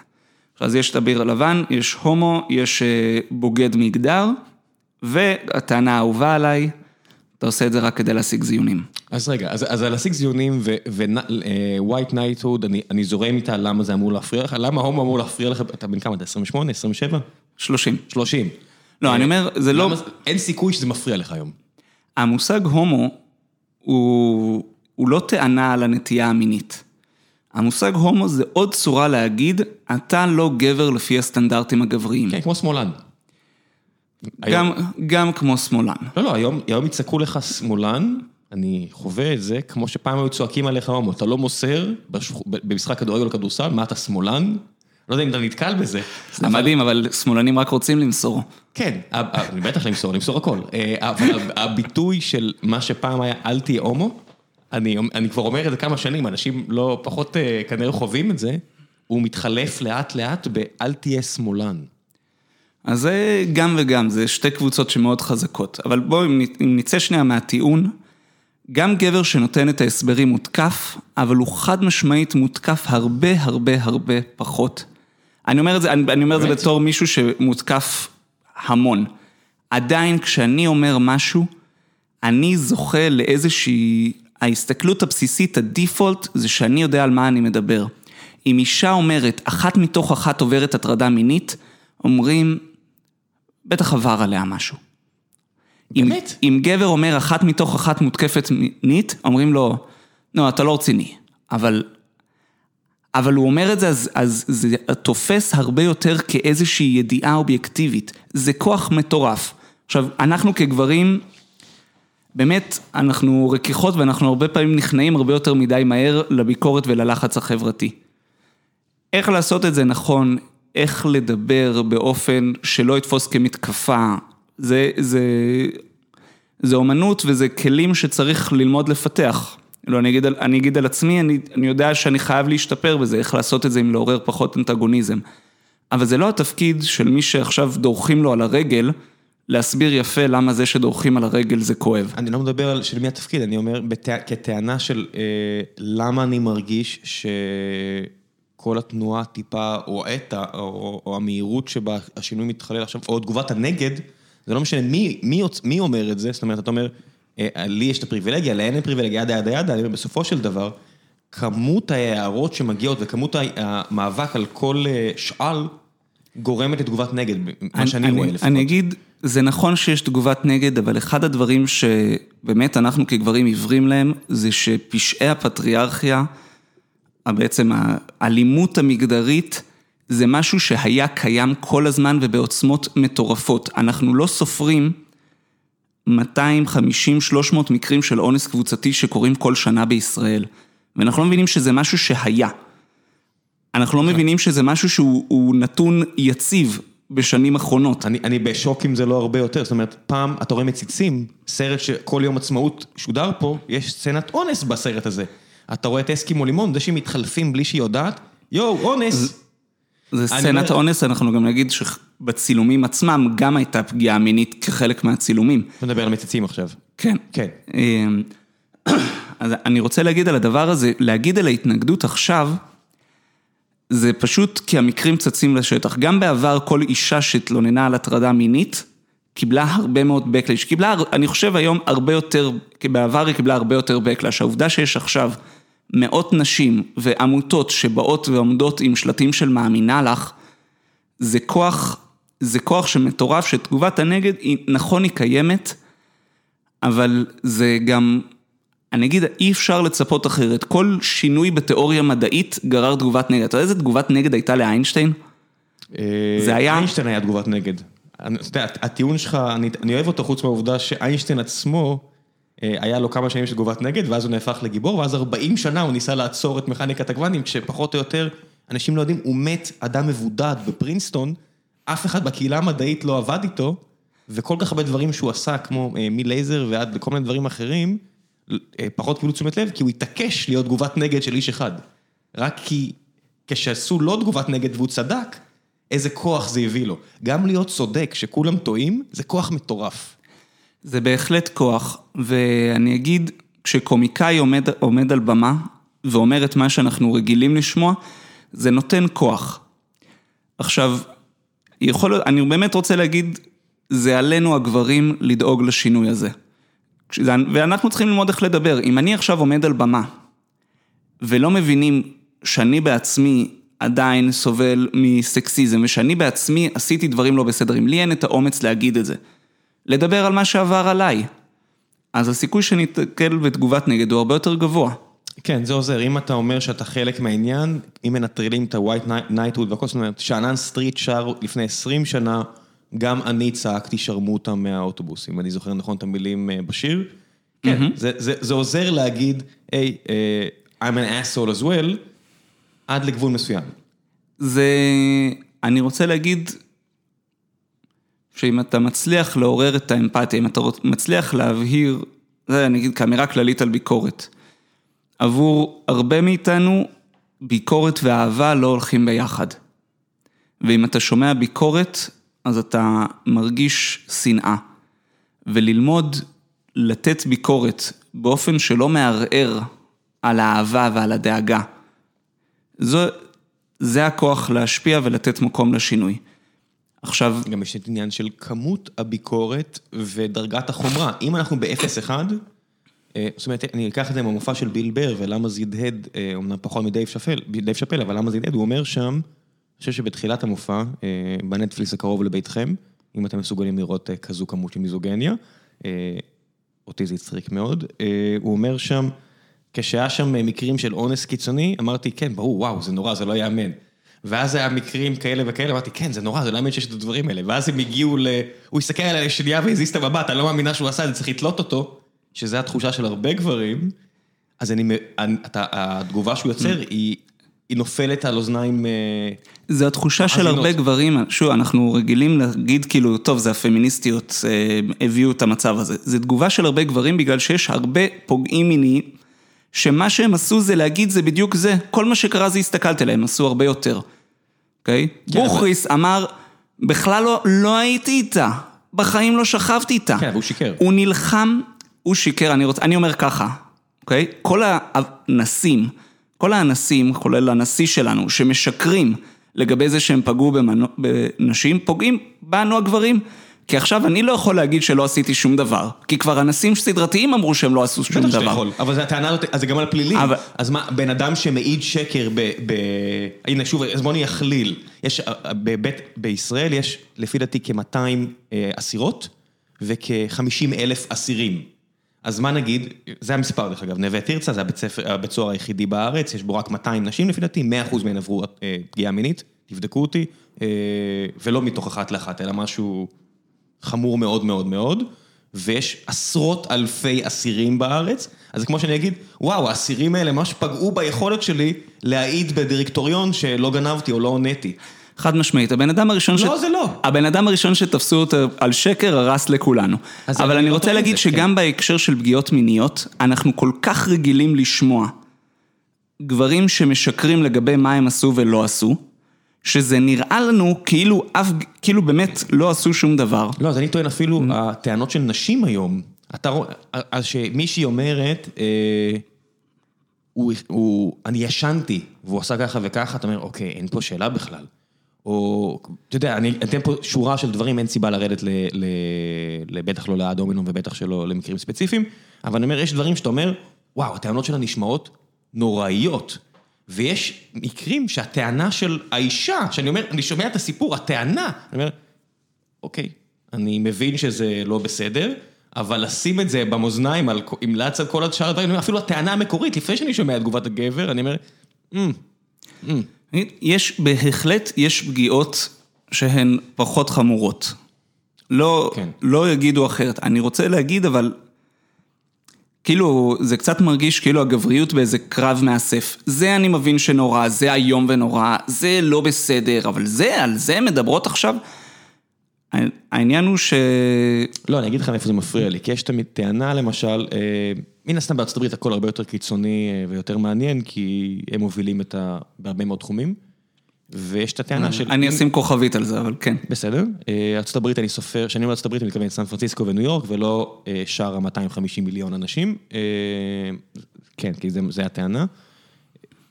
שני הצדדים היו שיכורים, לגמרי. שני הצדדים לא זוכרים את הבוקר, it's rape. שני הצדדים. שני הצדדים שיכורים לגמרי, it's rape. זאת אומרת, שני הצדדים בחרו לשתות, ואז מתחיל פה הטיעונים של, אבל אתם לא מבינים, כי בסיטואציה הזאתי והזאתי, ככה, ככה וככה, ואז הולכים אחורה, ואני אומר, לא יודע. יש, פה אני כבר מגיע פה לסיטואציה, שאני מתחיל כבר אה, להרגיש לא בנוח. נגיד, אפשר להבין, אני רוצה להזכיר לך ולי, ששנינו התחלנו בסיטואציה ששום דבר לא היה לנו נוח איתו, אם זה לא היה זר שקופץ מהשיחים בשעת לילה ברחוב דש להפרעתי. חשוב. כן. אני אומר, וגם הוא בן טובים, הוא סך הכל היה שיכור, הוא לא הבין מה הוא עשה, אפרופו שיכורים. לא, לא, לא, לא, אני לא מקבל את זה, כי אני לא מכליל את זה, כי הוא בסופו של דבר, אם אתה מראה לו, הטענה שלי תמיד כזו, אם אני שם עכשיו וידאו, ומראה לבן אדם את ההתנהגות שלו, האם הוא מזדעזע או לא. זאת אומרת, ארז אפרתי, אם אני לא טועה, זה שמו, אם אני מראה לו את ההתנהגות שלו, שהוא קופץ על מישהי, מפוצץ אותה במכות ומנסה לאנוס אותה, אין שום בר דעת שיגיד, תזרוק את החלה לכלא. אתה יכול להגיד, תחת השפעת האלכוהול וידה ידה ידה. אני- רוצה בסדר. להגיד, אבל... כן. שוב, נקודת המוצא, זה שלך ולי עכשיו ברור, ואנחנו חושבים שאפילו ארז אפרתי מבין שמה שהוא עשה בעייתי, זה לא היה ברור בכלל לפני 50 שנה, בטוח. לפני 20-30 שנה, ברור. והעניין הוא שגם עכשיו שאנחנו אומרים על שניהם שיכורים, גם לי זה משהו שהוא בהתחלה היה בכלל לא ברור, והיום אני מסוגל קצת יותר להבין אותו, אני מבין אותו בהקשר של מי יוזם את המגע. האם הייתה בדיקה של הצד השני? אפשר גם להכניס את מבחן הוידאו. אוקיי, אם אנחנו רואים שהיוזמה הייתה כולה של הגברת, ושהגבר היה שם פסיבי לחלוטין, אז אנחנו נגיד, אוקיי, אנחנו מבינים שזה לא המצב כמו שחשבנו. ברור לך שזה לא הנקודה, כי יש הרבה סיטואציות היום, שגם אם תביא את הוידאו, גם עם הכל, עדיין הוא יישא באשמה, הפלילית אפילו. אז זה אחד המיתוסים שהכי מתסכלים אותי, התפיסה שעברייני מין מקבלים ענישה ראויה. במדינת ישראל, כ-15% בלבד מהתלונות שמוגשות למשטרה על אלימות מינית, מגיעים לפרקליטות. כן. זה אחוז שהוא מגוחך להפליא. עכשיו, כן, צריך גם להגיד שנורא קשה להוכיח. זאת אומרת, אה, מעבר לאמונה החברתית של, הפמיניסטית של בוא נאמין להן, אם אנחנו למשל רואים את המקרה כמו של בשימוע קונגרס, של מישהי מספרת מלפני 40 שנה שהוא כפה אותה, ומביאים את החברות ואת החברים וכל ההשטגים של We Believe You, ואני אומר, איך אפשר להרשיע? באיזה סיטואציה אתם בכלל, הרי זיכרון, אני מספר סיפורים מלפני 20 שנה מהשירות הצבאי, שאני אומר, אני לא בטוח אם זה קרה לי, למישהו אחר, או שאני ממציא פה את, הסיפורים לגמרי. ואז 40 שנה, ואני אומר, God damn, זה, זה, זה אז- נהיה בדיחה. אז קודם כל אני רוצה להגיד שזיכרונות טראומטיים נחקקים באופן אחר. וגם הם, הוא, לא, ו- גם אבל- הם אבל. העניין הוא, ש- אבל יש רגע, העניין הוא לא הרשעה. וזה אני רוצה להגיד, העניין הוא לא הרשעה. העניין הוא האם יש הכרה חברתית בכך שנעשתה פגיעה. אנחנו כחברה היום מאוד מסתמכים על מערכת המשפט כדי שתגיד לנו זה בסדר, זה לא בסדר. למעשה יש אפילו תופעה איומה של תביעות השתקה, שבעצם הטענה שם זה אם אין הרשעה של בית משפט, אסור להגיד שמישהו לא בסדר. יש נכון. אנסים שתובעים נפגעות וחברות שלהם, אנסים פרופר תובעים נפגעות וחברות שלהם על זה שהן קוראות לגבר אנס, בגלל שלא היו מספיק ראיות כדי להוכיח. אז אני אקח את זה אפילו יותר רחוק, באותה מידה אתה יכול להגיד גם שתובעים את שרון שפורר, שהיא אה, נלחמת נגד עבריינים אלימים, ועושים לה תביעת השתקה, אז יש פשוט בעיות עם תביעות השתקה בארץ. הייתי לוקח את... ושוב, מערכת המשפט היא פרוקסי, של, אתה יודע, אתה אומר, אין ענישה פלילית, אבל בסופו של דבר, אם אתה תיקח לבן אדם את העבודה ותבייש אותו, זה ענישה חמורה. אז אתה יכול להגיד, הוא לא יישב בכלא, זה ענישה חמורה. אני רוצה להגיד שלצערנו, אנשים שעושים דברים בזויים מוסרית, עדיין יכולים להיות בראש מצעדי פזמונים. אה, הם יכולים, וזה- אבל הם לא יכולים להיות, אתה יודע, אני רואה למשל עיתונאים, אז עמנואל רוזן אה, is without a job, כנראה בצדק, כי הבן אדם אה, עשה דברים, אז אני אגיד, בדרך כלל, הוא הפך להיות סוחר נשק באפריקה, הוא לא יודע מה הוא נהיה, אבל כן. למצוא עבודה כלשהי, הם לא מתקשים. לרדת בטוח. מהזירה הציבורית, זו טענה שלגמרי אני יכול להבין למה הם מעוניינים בה. הם אז מעוניינים בה, אף אחד לא שואל אותם יותר. בוא נגיד, מי שרוצה להצליח, חנן גולדבלט מצליח להמשיך להופיע בתיאטרון. אה, אני, אני, אני בספק זה- חנן גולדברג סוגר את החודש. אם להיות כנה, אשתי אה, הועסקה בניסן נתיב, היכן שלא מעט מורים אה, הואשמו. ההתרסקות הכלכלית, שגם ככה הם לא בדיוק מהמרוויחים בעולם שחקנים, היא אמיתית, מוחשית, אה, מוצדקת, לא מוצדקת. הענישה היא חמורה. אז אני אגיד, אז גם הענישה החמורה, וזה אולי עוד בעיה, הענישה החמורה קורית לפרומיל מהפוגעים. אני בטוח בזה. לצערי, אני... אה, רגע, מהפוגעים, כן, כי הטענה היא שיש כל כך הרבה פוגעים, מן הסתם. זה... אני אסתכל אפילו על הסביבה הקרובה לי, ופה אני אחבר לשני דברים. אחד, אמרת לפני זה שארצות הברית מובילה בעולם. אני רוצה להגיד שהעניין של מודעות לעובדה הזאת של אחת מתוך אחת, בארץ הקדימה את מיטו בארבע שנים עם העמוד של אחת מתוך אחת, העמותה שקמה וכבר... אה, אתה בטוח בזה? סיימה את לא- הפגיעה. לא היה אף עמוד איזוטרי בארצות הברית? אני איזוטרי אגיד- מבחינת הכמויות. אחת מתוך אחת זה לא עמוד אזוטרי, זה עמוד עם כן. 2,500 עדויות. 2,500 עדויות בארצות הברית, אני מניח שזה... כן, אפשר אבל- למצוא כאלה. אבל למצוא 2,500 עדויות באוכלוסייה של הנה, זה שישה בדיוק- מיליון, זה בדיוק הנקודה. זה כן. תקדימי וזה מטורף. ואני רוצה להגיד גם על העניין הזה של העדויות, אמרנו על השלבים, שהשלב ראשון להבין מצב, שלב שני להבין שהוא בעייתי.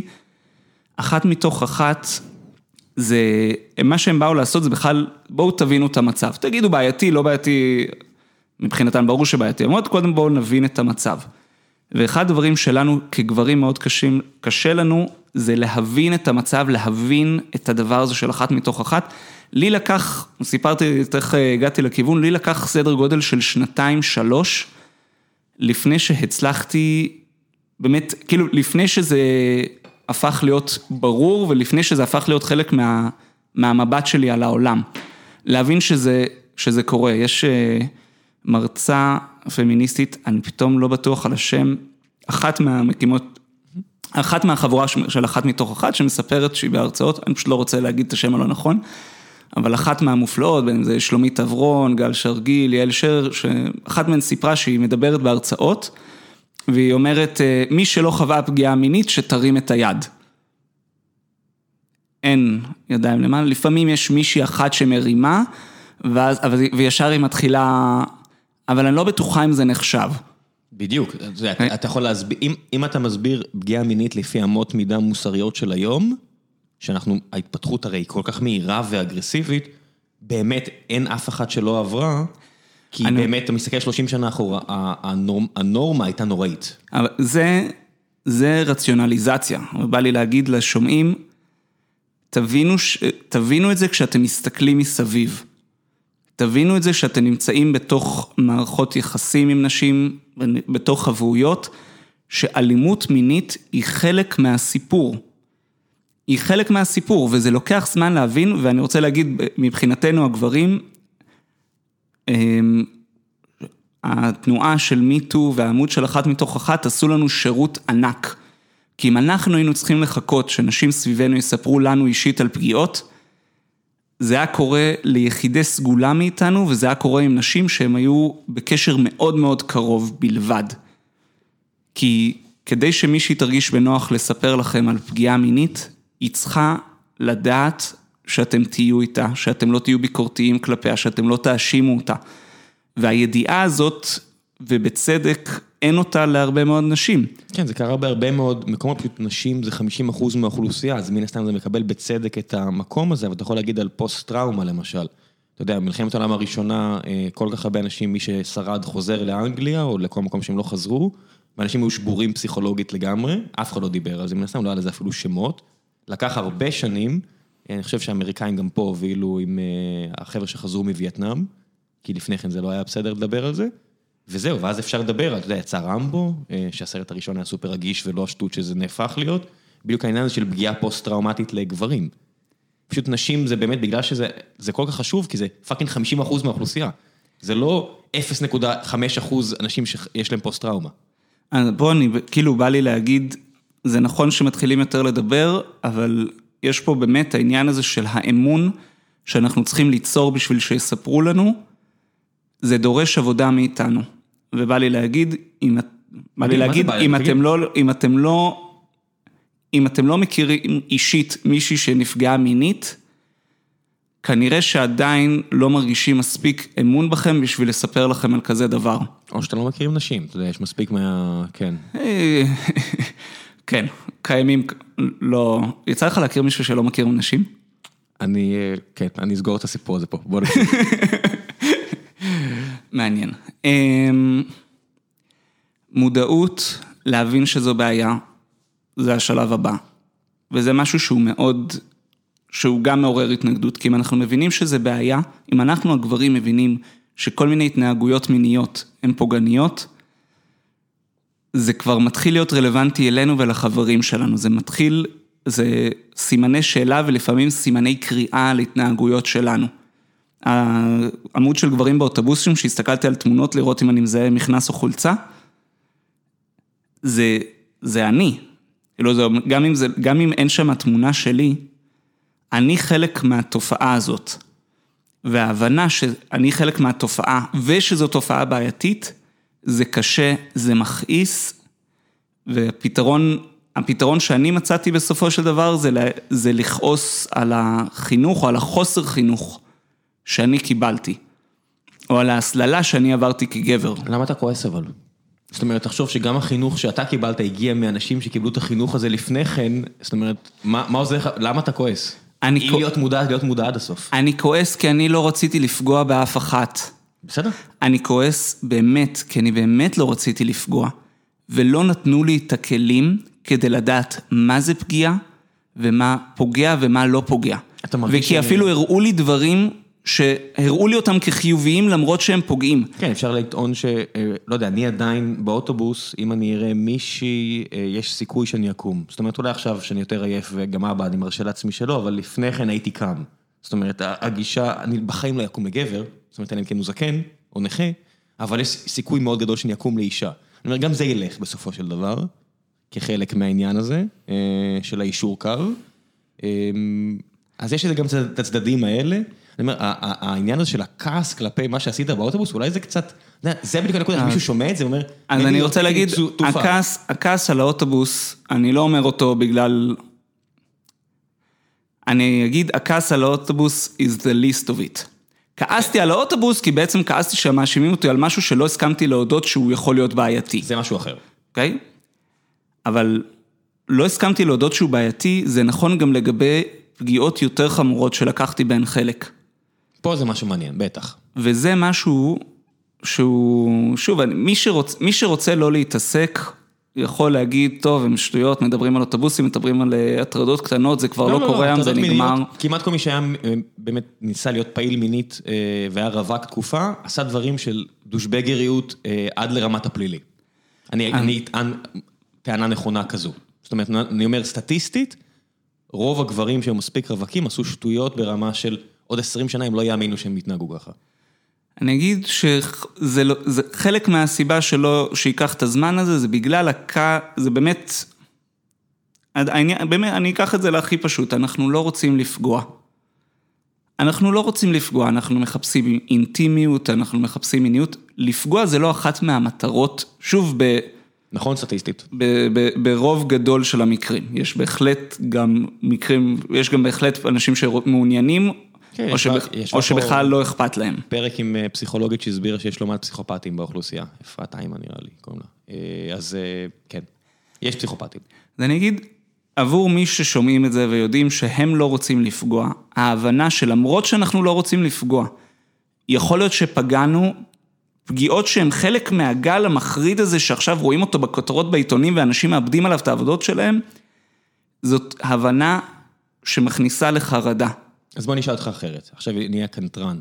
אני ניסיתי להיות גם בפרק ואני אמשיך להיות. אני אגיד, אם עוד 10-20 שנה, יפטרו אותך כי אכלת המבורגר. הרי אתה בר דעת, אתה בן 30, אתה לא, אתה, אני אאמר שאתה לא טבעוני כי זה נכון סטטיסטית. אני אאמר שאתה מבין שיש בעיה עם אה, אכילת מזון מן החי, גם זיהום סביבתי וגם אה, סבל. ואני אגיד לך עוד 20 שנה, סיכוי לא מבוטל שאתה הולך לכעוס מאוד, כי זה מי שאתה, על זה שאכלת המבורגרים, ואז יבוא טענה של צעירים שיהיו עוד יותר מיליטנטים מהיום, הגרטות של העולם, ויגידו, "אה, אחי, אתה לא יכול להיות המנכ"ל של הבנק, כי יש תמונה שלך אוכל המבורגר. אז על, ה, על הטיעון הזה אני רוצה להגיד ככה. כחברה, אנחנו מאוד גרועים באחריותיות, או accountability. אנחנו לא טובים בלדעת לקחת אחריות על פעולות שעשינו, לדבר על זה באופן שהוא גלוי, פתוח לביקורת, זה קשה. אבל גם עוד לא, כאילו אני אגיד, זו, זאת אומנות שלא התפתחה מספיק, להפך הייתה רגרסיה מאוד גדולה שלה בעולם. באמת? כן, לגמרי. למה אתה חושב? בוא, בוא תסתכל על רגרסיה לעומת מה? לעומת איזה תקופה? רגרסיה לעומת תקופה שבה אנשים התפטרו מיוזמתם. מתי זה? בעקבות חשיפות של שחיתות. אז יש, את הדוגמה של רבין עם, אה, עם אה, מטבעות זרים כאלה ואחרים, ואהרון ברק מושיב אותו. אני טוען שזה צביעה של היסטוריה, כמו שאפשר להגיד צביעה של היסטוריה אה, מגדרית, יש גם צביעה של היסטוריה פוליטית. אני לא חושב שאנשים היו אה, יותר מוסריים וממהרים להתפטר פעם, בטח שגם הורדנו את הרף של מהי אה, התנהגות לא נאותה. אז מצד אחד הורדנו את הרף בעבירות מסוימות, מצד שני העלינו איפה העלינו? באלימות מינית. מה?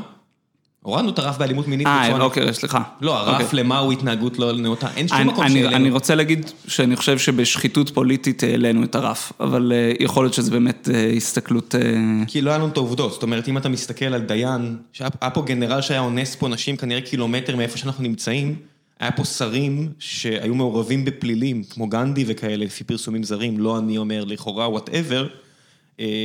כן, יש אאוטליירים שהם בני 70, שהם חלק מהדור ההוא. אני, בוא נגיד, אם עכשיו תביא לי את איילת שקד, סתיו שפיר, כל מיני כאלה, שהיו מעורבות בשחיתות, אני נופל מהכיסא. אני אהיה מופתע מאוד אם הדור אה, אחורה, היותר צעיר, יהיה מעורב בדברים האלה. זאת אומרת, אתה, אתה מסתכל פה על אנשים שגדלו בתקופה ההיא. שהנורמות, שהנורמות שלהם הם, הם זה, אבל זה שהם נלחמים אה, קרב מאסף על החיים של עצמם, אני כמעט אמפתי לזה. אני, אני אגיד על הטענה של הרף יורד, אני מקבל. שוב, שאלה, אבל שוב... אני מחזיר אותך לעניין של אכילת בשר, קשה שנייה, לברוח. שנייה, רגע, אני רוצה לתת את הדוגמה עכשיו, להגיד, אני מקבל את מה שאתה אומר, הטיעונים שלך נשמע לי הגיוני, מקבל אותו. אפילו בקטע של לקחת אחריות על לדעת להגיד, טעיתי, זה משהו שהוא מורכב. זה משהו שאנחנו, אז גם אם לא נגיד שפעם ידעו לעשות זה יותר טוב, אנחנו עדיין לא יודעים לקחת אחריות. עדיין גברים לא יודעים לבוא ולהגיד, אני פגעתי, זה לא בסדר שפגעתי. לא סליחה אם נפגעת, סליחה שפגעתי. אז בואי ניתן לך דוגמה ממקום אחר. אה, רצח העם הקשה אה, בהיסטוריה המודרנית, רואנדה, אחד הדברים שהם עשו שם, שזה דבר שהוא מזעזע, אם אתה אה, חושב עליו בעיניים הערביות, בטח ישראליות, בני, מי, האוטו, אני חושב שהיו רוצחים, הטוצי, אני חושב שהיו הנרצחים באותו, באותה מלחמה, הם היו עוברים כפר-כפר, והיו נותנים לאנשים להודות בהכל, בגלל שלא היה את ה-repercussions. הם אמרו, אנחנו נסלח. אבל דבר ראשון, בוא נכיר שנייה, בזה. אני רוצה... אם אתה מעלה את הרף של המחיר הפלילי והחברתי שתשלם, אני כמעט גם אמפתי לזה שלא אנשים, אנשים לא ממהרים להודות. זאת אומרת, אם זה מדובר על נידוי חברתי ועד אחריות פלילית, אני אומר, כן, ברור שאנשים לא יודו כל כך מהר. כי זה להגיד, אוקיי, בוא תהרסו לי את החיים. ואני אתן לך את הטענה הזאת על עוד 20 שנה המבורגר, וזה מגיע. אז, אז אני רוצה להגיד שוב, גם, גם על עוד 20 שנה המבורגר, היכולת של פוגעים לקחת אחריות גם אל מול האשמות פליליות. בוא נגיד ככה, פוגעים, או חלק לא מבוטל מהם, כשמגיע שלב גזר הדין, כבר מוכנים להגיד, פגעתי וזה היה לא בסדר, כשהם רוצים שזה ימתיק את העונש. עד, אה, עד פסק הדין הם לא עושים את זה. היכולת ללמוד לבוא לפני, יש את אה, ג'ימו ג'יי משאיר בואו לפני, זה משהו שצריך זה זה פעילות, זה דורש אומץ, זה נכון. אני אישית חושב שגם יהיה פה אפקט חלוצים, ושככל שיותר גברים יבואו וידברו ויגידו, אני פגעתי, אני הייתי חלק. זה אפילו אם להתחיל מדברים קטנים. אני לא קמתי בארוחת החג לשטוף כלים, כי הבנות של המשפחה עשו את זה, ואני נהניתי מזה. כן, כן, okay? אוקיי? זה, אבל זה היכ... פלילית. זאת אומרת, אם, אם איזה מגיש טלוויזיה ידוע, בן 80 עם פאה, יבוא ויגיד, אני מטריד כל מאפרת אפשרית. או יבוא איזה עורך לשעבר של עיתון, שאני מכיר את הסיפור פשוט, ואולי אני לא בחוץ, ויגיד, אה, אני תקפתי מינית ככה וככה, אבל הוא בטלוויזיה היום, נגמרה לו הקריירה. הוא אולי אפילו ילך לכלא. אני לא רואה, על, על, על, על השטיפת כלים שלך, אתה תקבל מחיאות כפיים, וכמה אנשים יגידו לך white night. שנייה. זהו, שם זה ייגמר. אני רוצה להגיד אבל שזה... זאת ההתחלה. כאילו זאת ההתחלה כדי שגם יהפוך לדברים גדולים יותר. עכשיו אני אגיד, אם פגעת פגיעה חמורה שאתה בעצמך מסוגל להבין את הגודל שלה, ואתה בתפקיד ציבורי ופומבי, זה יכול להיות מאוד ברור. מקרים של מכתבי התנצלויות, שזה ההתחלה של לקיחת אחריות כמו שאנחנו רואים אותה היום, יש בודדים, עכשיו, גם הם מקבלים ביקורת, okay? אוקיי? וגם הם אומרים, המכתב של לואי סי קיי, אומרים, לא מספיק טוב. מה מספיק טוב יהיה? אז גישה אחת תגיד, שום דבר לא יהיה מספיק טוב, אנחנו לעולם לא נגיע. כן, אתה מבין, ברואנדה יכולים לסלוח, אבל על לואי סי קיי לא. אז אני אגיד, גם על לואי סי קיי, מה שקרה זה קצת אולי הרגל אוניברסיטה, אתה כותב עבודה, מקבל ציון ונגמר. נגמר, לא, לא תחזור אליה. לא תחזור אליה, לא תעשה את התיקונים, לא תעשה את המהלך. עכשיו, חלק מה... נגיד, יש פה קצת גם אה, מבחן. כי חלק מהעניין זה להגיד, רגע, אתה כותב במכתב שאתה פתוח לביקורת ואתה שומע? בוא, בוא תקשיב מה הנפגעות אומרות עכשיו, אתה פתוח לביקורת ושומע, איפה נעלמת? מה זה איפה, אז מה אתה מצפה, מה, מה הצפי? זאת אומרת, מה יהיה ההתנהגות, אה, מה יסגור את הסיפור? אני אגיד, אני חושב, יש היום התחלה של התפתחות בנושא של צדק מאחה, וארגונים שעובדים בכיוון. אני אגיד אפילו, יש פעמים של, זה, זה אפילו דברים פשוטים. זה יכול להתחיל מלשאול את הנפגעת מה יתאים לה. עכשיו, זה לא בהכרח אומר שאם מה שיתאים לה, היא רוצה שאתה תתלה את עצמך מעץ, זה לאו דווקא מה שתעשה. אבל להקשיב, לשאול, והבסיס, הבסיס, המושג של הכרה, להגיד, אני פגעתי, יש לזה כוח מטורף. רגע, אני פגעתי, אני חושב שלא יוציא, נכון? אני לא, לא היה בדיוק כזה. היה, שוב, אבל זה, זה מקרה אחד, עכשיו מה שקורה, אנחנו גברים הולכים לפתרון הקל ולהגיד, אה, הוא חטף בראש על זה, עדיף לא להגיד שום דבר. לא, לא, אני לא אומר מקרה קל, אני מסביר גם את הרציונל באנשים שעכשיו מועסקים היטב, יש להם את החשבונות שלהם. עכשיו, אם תבוא ותגיד להם, צריך להתחיל בלהודות, יש המון גברים בארץ, המון. זאת אומרת, אני רק מכיר כמה מפורסמים, אם הם עושים את זה, they're done, נגמר. נגמר הקריירה. אני אגיד, אני, שוב, אני אגיד, יצטרכ, יהיו חלוצים. יהיה כאלה שייפגעו מזה יותר מאלה שיבואו אחריהם. אני רוצה לראות הראשון שהחלוצים, זאת אומרת, שוב, יש מקרים שאין רפרקשנס. אני אגיד... זה קל יותר. אני, נכון, אבל אני אגיד, גם המקרים היותר חמורים, לא- זה, זה ידרוש, זה, זה חלק מהשינוי שאנחנו צריכים להוביל. אני, גם אני אגיד, אם אנחנו גם נלמד להגיד על הדברים היותר קטנים, שאין רפרקשן, זה יקדם אותנו. ואנחנו נוכל להגיד על דברים שיש רפרקשנס קלים, ואני אגיד את האמת, יש תפיס, חלק מהתפיסה המיזוגנית זה שנשים הן נקמניות וקטנוניות ורעילות, זה, זה חלק מתפיסה מיזוגנית, כשבאמת רוב המקרים, מסתכלים נגיד על הטרדות מיניות בעבודה, אנשים פשוט רוצות שיפסיקו להטריד אותם ושיפסיקו לפגוע. והעניין של הכרה להגיד, אני פגעתי, אני לא אעשה את זה שוב, אני קורא למי שמתנהגים באופן דומה להפסיק ולקחת אחריות, זה, okay, זה לא יסולא בכלל. מבחן היפותטי, מגיע איזשהו מנכ"ל ואומר, אני פגעתי, אני ככה וככה, ואז עצומה למחרת, 200 אלף חתימות, חייב לפטר אותו היום. אתה בעד או נגד? ואתה יודע שזה יגיע הרי. לא יכול להיות שהמנכ"ל הזה יוביל את החברה אם הוא פגע לפני 40 שנה במישהי. חייב לעצור את המינוי הזה, זה לא מינוי מוסרי. תפטרו אותו היום. אני לא יודע אם זה הסטנדרט, ש... אני לא, שנייה, אני לא יודע אם זה הסטנדרט שצריך לשאוף אליו, אבל פה גם יהיה משהו של, אתה יודע, כמובן יהיה צריך לעשות את זה בחוכמה ובהתאם למקרה. אני פשוט לא מרגיש את החוכמה הזו. אני רוצה להגיד, כרגע, יש אה, אולי גברים אה, מרגישים את זה כאילו יעלו אותם למוקד, אבל מקרים שבהם גבר באמת פנה לאישה, פגע למישהי שהיא פגעה בה, פנה למישהי, גבר פנה למישהי שהוא פגע בה, ואמר, וידע להגיד, פגעתי, אני מבין את זה עכשיו, מה בא לך שיקרה הלאה? אנחנו כנראה לא נשמע על זה. יש הרצאת TED שמסתובבת של אישה שפנתה לגבר שאנס אותה, ובעצם הם עשו תהליך של צדק מאחר, והם עכשיו כאילו, מדברים על זה ביחד, בתור איזשהו כלי. כן, זה אחלה. שמעתי את הפודקאסט הזה, הם מסתובבים ומרצים ביחד, אם אני לא טועה. אני אגיד, אנחנו כגברים הרבה יותר קל לנו להאמין במוקד, ושזה מה שיקרה לנו. כן, זה לא איזה מצב היפותטי, אתה רואה עכשיו, את זה קורה. אני אגיד, זה קורה, בוא נגיד, זה קורה אצל מי שלא לוקחים את האחריות בזמן. זה, קורה, זה, זה, זה באמת שמה קורה, זה קורה אצל מי שמתעלמים, אצל מי שמתנהגים כאילו שום דבר לא קרה, את אלה שלא מדברים ושלא לוקחים אחריות ושלא פועלים. וזה, כאילו באמת אני מאמין ב...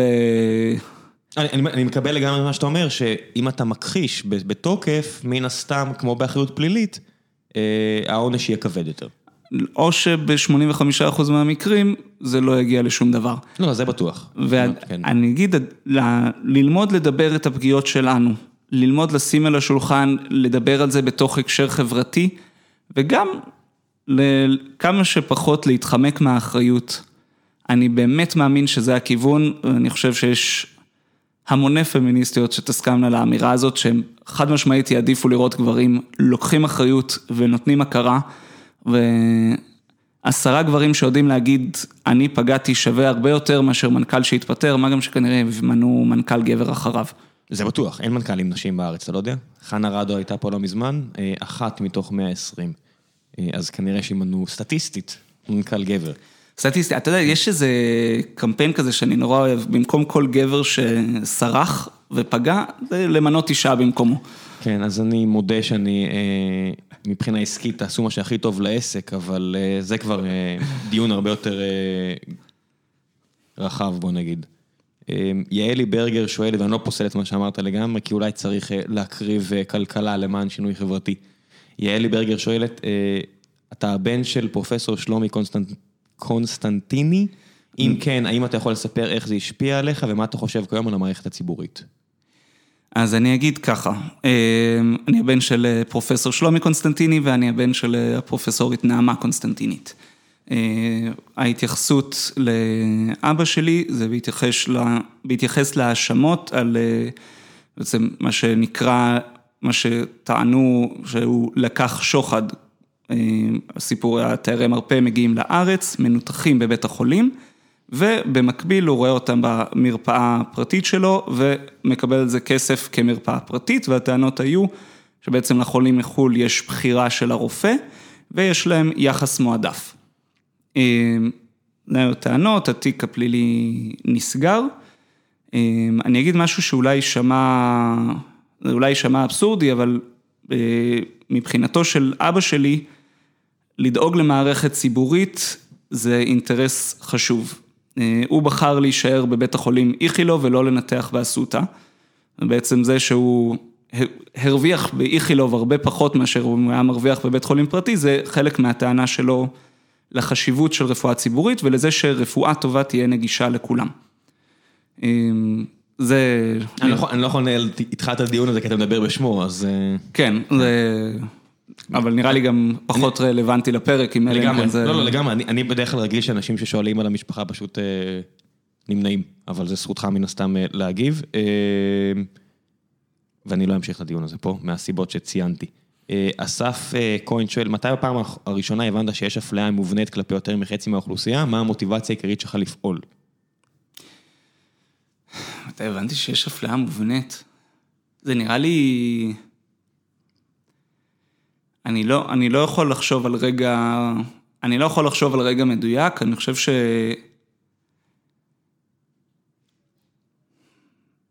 אני חושב שכשהבנתי על עצמי שאני פועל באופן שהוא מפלה, אז זה היה... אז זה פתאום נהיה קצת יותר ברור. מבחינת המוטיבציות שלי, יש כמה. אני אגיד, צריך להגיד בכנות, חלק מהעניין זה אשמה על המקומות שאני הייתי לא בסדר. זה חלק. אני לא, אני לא שולל שימוש באשמה. אבל חלק זה הכעס שתיארתי מקודם, זה שאני ממש כעס על החינוך הקלוקל שקיבלתי, שגרם לי לחשוב שאתה צריך קודם לגעת ואז לראות אם מורידים לך את היד.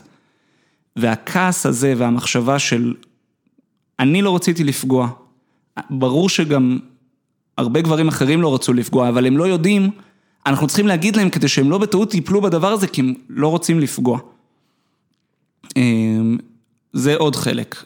עוד חלק זה איזשהו רצון קצת להבין את עצמי. אני אגיד שבמקביל לקורס של פילוסופיה פמיניסטית, אני בעצם התחלתי להבין על עצמי, ועל המיניות של עצמי, שאני מאובחן במה שנקרא מיניות הישגית. זה מושג ששמעתי לראשונה משרון אורשלימי, שהיא מחנכת למיניות בריאה ו... לאסוף נוטשים? לאסוף נוטשים, כן, לאסוף תוויות. אני, זה אגיד, מיניות הישגית זה משהו שהוא... סטטיסטית אני חושב שלכל הגברים יש אותו. עכשיו אם דיברנו על מודעות, להבין שזה בעייתי להתנהל נגד. אתה לא יכול להגיד סטטיסטית לכל הגברים יש אותו. נכון, סטטיסטית...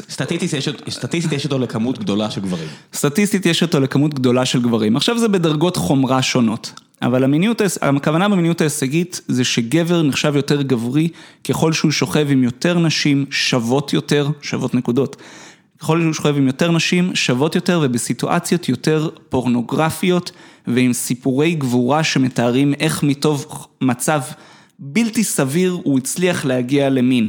בין אם זה עם הדיילת, מוקדנית השירות, הבחורה היפה שהייתה בצד השני של הבר, או, או כל, או האידיאל בצה"ל של לשכב עם קצינה, שזה כאילו, זה חלק מהמיניות ההישגית שאומרת, אתה, כדי להיות גבר, צריך להשיג נשים. נשים הן ההישג, הן גם, ה... יש משפט של מרגרט אטווד, אומרת, בפטריארכיה זה לא קבוצת הנשים נגד קבוצת הגברים, זה גברים נגד גברים ונשים הן הכדור. מיניות הישגית זה תחרות בין גברים, על מי יותר גבר. איפה שעכשיו יש מאזינים דתיים שאומרים, על מה אתה מדבר, זה כל כך זר לנו. גם, אני אגיד, הדתיים יותר light שמסתובבים עם חילונים ולפעמים מגיעים למסיבות, כן מבינים את הדבר הזה. הם מבינים מהצד. הם מבינים מהצד, אבל אני לצערי מכיר גם לא מה... כאילו, אני מכיר גם דתיים... זה סטייה מהתרבות שלהם. זה סטייה מהתרבות, אבל אני מכיר גם דתיים שמבינים את זה. יש... כן. הם מבינים בטח, כי אתה מדבר על תרבות חילונית ומכליל על כולם. אני אגיד, יש שם, אני, שוב, מהיכרות אישית, יש גם דתיים שומרי שבת מניחי תפילין, שמבינים שמבינים את הדבר הזה. עכשיו, בואו נגיד, גם אם נסתייג ואני אגיד כאמירה על חילונים, אה, חילונים או עולם אה, מערבי, זה כוח שהוא חזק. לכל חברה יש את הסקסיזם שלה שנראה קצת אחרת. אצלם קל מאוד להצביע כמו שפה קל מאוד להצביע, כן. להצביע אצל אחרים זה תמיד יותר קל. אבל נגיד המיניות ההישגית, להבין את זה על עצמי, קודם כל להבין שזו תופעה. להבין שיש סיטואציות שבהם אני יכול, שבהם אני מרגיש כאילו אני על אוטומט עושה משהו, לא מתוך בחירה, אלא אני יודע שאני צריך לעשות אותו. זה היה משהו שהוא היה לי, כאילו, גם היה shocking, גם היה enlightening, כי זה בעצם נתן לי איזשהו הסבר על התנהגויות שאני יודע ששנים לפני זה התנהגתי. לצורך העניין, הייתי עם, הייתי עם מישהי, בתקופה שבה התחלתי לצאת עם מישהי אחרת, ובש... לא הייתי עם מישהי באופן מיני, הייתי, כאילו ישבתי עם אה, ידידה, בשעה הראשונה של השיחה סיפרתי על זאת שאני יוצא אליה, בשעה השנייה, אני כבר התחלתי להרגיש איזשהו כיוון מיני, וידעתי שאסור לי לדבר. כאילו ממש הרגשתי איך אני עוצר את עצמי מלדבר על זאתי שאני עוצר אותה מתוך המחשבה שזה עלול לפגוע בסיכויים שלי לקיים אה, מגע מיני בהמשך. עכשיו, אצל גברים שונים התופעה הזאת של מיניות הישגית, יהיה לה אותם בדוגמאות שונות אה, ואחרות, ויהיה גם דברים של, נקרא לזה fair play. אם אתה נמצא תחת מיניות ההישגית, אז יש מי שיכופפו קצת יותר את הכללים, יש מי שיגידו, טוב ניתן לה עוד איזה, בוא נקפיץ איזה שני שוטים כדי שהיא תזרום יותר. ויש מי שיגידו, אז מה אם היא חסרת הכרה, אני יכול לזיין. עכשיו, המיניות ההישגית, בשלב הראשון, להבין שזה חלק מהגבריות כפי שהנחילו אותה לנו, זה שלב אחד. להבין שהיא מנוע לפגיעות, ושהיא עלולה לגרום לפגיעות, ושהיא גרמה להרבה מאוד פגיעות בעולם, זה, זה השלב אחר כך. להתחיל לעבוד על לצמצם את איך אנחנו פועלים מתוך המיניות ההישגית, זה קשה. עכשיו, הסיבה, קורה לי הרבה פעמים שמספרים לי סיפור, שמישהי מספרת על פגיעה, ואומרים לי, אבל רגע, אבל לא שמעת את הצד שלו. ו... ו... ואני מרגיש שאני לא, צר... כאילו, אני לא צריך לשמוע את הצד השני, כי אני... אני אומר, אפילו על טרוריסטים, מעניין אותי לשמוע את הצד השני. אנשים שהתפוצצו באוטובוס, מעניין אותי לשמוע איך הם הגיעו למצב הזה. אז אני, אז אני רוצה להגיד ככה, ההרגשה שלי זה שאני מבין, מאוד ברור לי, איך מיניות הישגית הופכת להיות מישהו ישן לצד ידידה שלו, ומתחיל לגעת בה בלילה. אבל אתה לא משליך פה במקרה, אתה לא נופל פה בדיוק לאותם בורות שאתה אומר, אוקיי, אני כזה, אז כנראה גם הוא כזה? אני... או לפחות סטטיסטית זה נכון, אבל אני... קשה להרשיע, זאת אומרת... אני לא, שוב, אני לא מחפש הרשעה, אני באמת רוצה להגיד ממקום של... אני לא אומר את זה... במובן של אה, הבנה אינטלקטואלית רגשית. אני אומר, ההנחה שהצד השני, הצד השני בסיפור הזה יתנהג כמו שאתה חושב שהוא יתנהג, איזה עוול אתה יכול להיות שאתה עושה פה, רק על, על מה? כי אתה מתעצל לשמוע אותו? כי אתה לא מעוניין לשמוע? כי אתה מניח שהוא משקר? אני, אני, אז קודם כל אני אגיד ככה, בתפקידי כשופט שלשמחתי אין לי, אני לא יכול להגיד שלא הייתי עושה את זה. אבל כשאני נמצא עם ידידה שלי שמספרת את הסיפור, וזה באמת נשמע כמו כל כך הרבה סיפורים וסיטואציות שאני אגיד, יכול להיות כן, אני מניח עליו שהוא פעל כמוני, אבל פשוט כל, הסיפ... כל הסימנים מסביב אה, מעידים על הכיוון. אני, אני הולך על ההסבר הזה, הוא באמת, הוא באמת מספק הלכ, בעיניי. הלכת על הקל, זה מה שאני אומר. הבחירה בקל? אני לא חושב שזה קל, להפך. להגיד, הוא פועל ממוטיבציות דומות למוטיבציות שאני יודע שלי יש. הפגיעה הגדולה הזאת שעכשיו מספרים לי עליה, נעשתה באופן שדומה לפגיעות שאני אולי פגעתי ושאנשים שאני מאוד אוהב בעולם התנהגו לפיהם. אני חושב שזה מאוד קשה, כי זה להגיד, האנס הזה הוא לא המיתוס של הרשע, השעיר והשחור שקופץ מהשיחים. הפגיעה הזאת שנפגעה הידידה שלי... שעיר והשחור, מאיפה הבאת את זה? זה חלק מהמיתוס, הוא זר, הוא... אני אגיד... הבנתי, אוקיי. נגיד, הוא, הפגיעה שמישהי קרובה לי נפגעה, היא נפגעה בגלל גבר כמוני. בגלל גבר כמוני, עם מיניות הישגית, עם תפיסה שאתה צריך לחפש כל סימן קטן לכן ולהתעלם מכל לא. זו אמירה שהיא ממש לא פשוטה. כן, כי... אני, אני מבין אם אתה יושב עם ידידה, זה כמו שאני אשב, אתה יודע, עם בן אדם ש... אה, או התפוצץ נורא, כאילו חטף כדור, או התפוצץ לידו משהו, אני פחות אתעניין בלשמוע מה הוביל הצד השני לעשות את זה, אבל במובן, במובן התיאורטי, אני אומר, לא, יש חשיבות לא, גדולה מאוד זה להבין. לא, זה... שוב, אם זה חבר, לא מעניין אותי הצד השני. אה, לא, אבל אני רוצה להגיד, זה יותר, מ, זה יותר מחבר. זה, זה יותר מהסיטואציה שאני לא רוצה להבין מה עבר על הצד השני. אני מרגיש שאני בעצמי פעלתי באותו האופן אז מה? שבו הצד השני... אז מה אם אתה, למה אתה, למה אתה בכלל צד בסיפור הזה? אתה מבין? זאת אומרת, אה, אני, אני ואני, תראה כמה אני אתה הכנסת פה, ואני אומר, יש פה סיפור בין מישהו למישהי, ואתה אומר, אני לא רוצה לשמוע אותו בכלל כי אני. אני אומר, מה אתה קשור? יש פה שני אנשים שהם לא אתה. אבל זה, זה יותר, אני, אני לא מרגיש צורך לשמוע אותו, כי אני באמת, שוב, אני באמת מכיר את זה. אני כבר, אתה יודע, שמעתי, שמעתי פוגעים, שמעתי חברים, שמעתי בשיחות. אפשר להגיד על מי... אתה יודע, סיים סיים, אתה יודע, אה, כולם אותו דבר, הגברים האלה. אני אגיד, בסטטיסטית, רובנו המוחלט סובל מבעיה שאנחנו, א', עדיין לא נותנים לה את השם, ב', לא מבינים איפה היא מובילה לפגיעות, וג', לא עושים את הפעילויות שאנחנו אולי יודעים שהן דרושות בשביל להימנע מהפגיעות.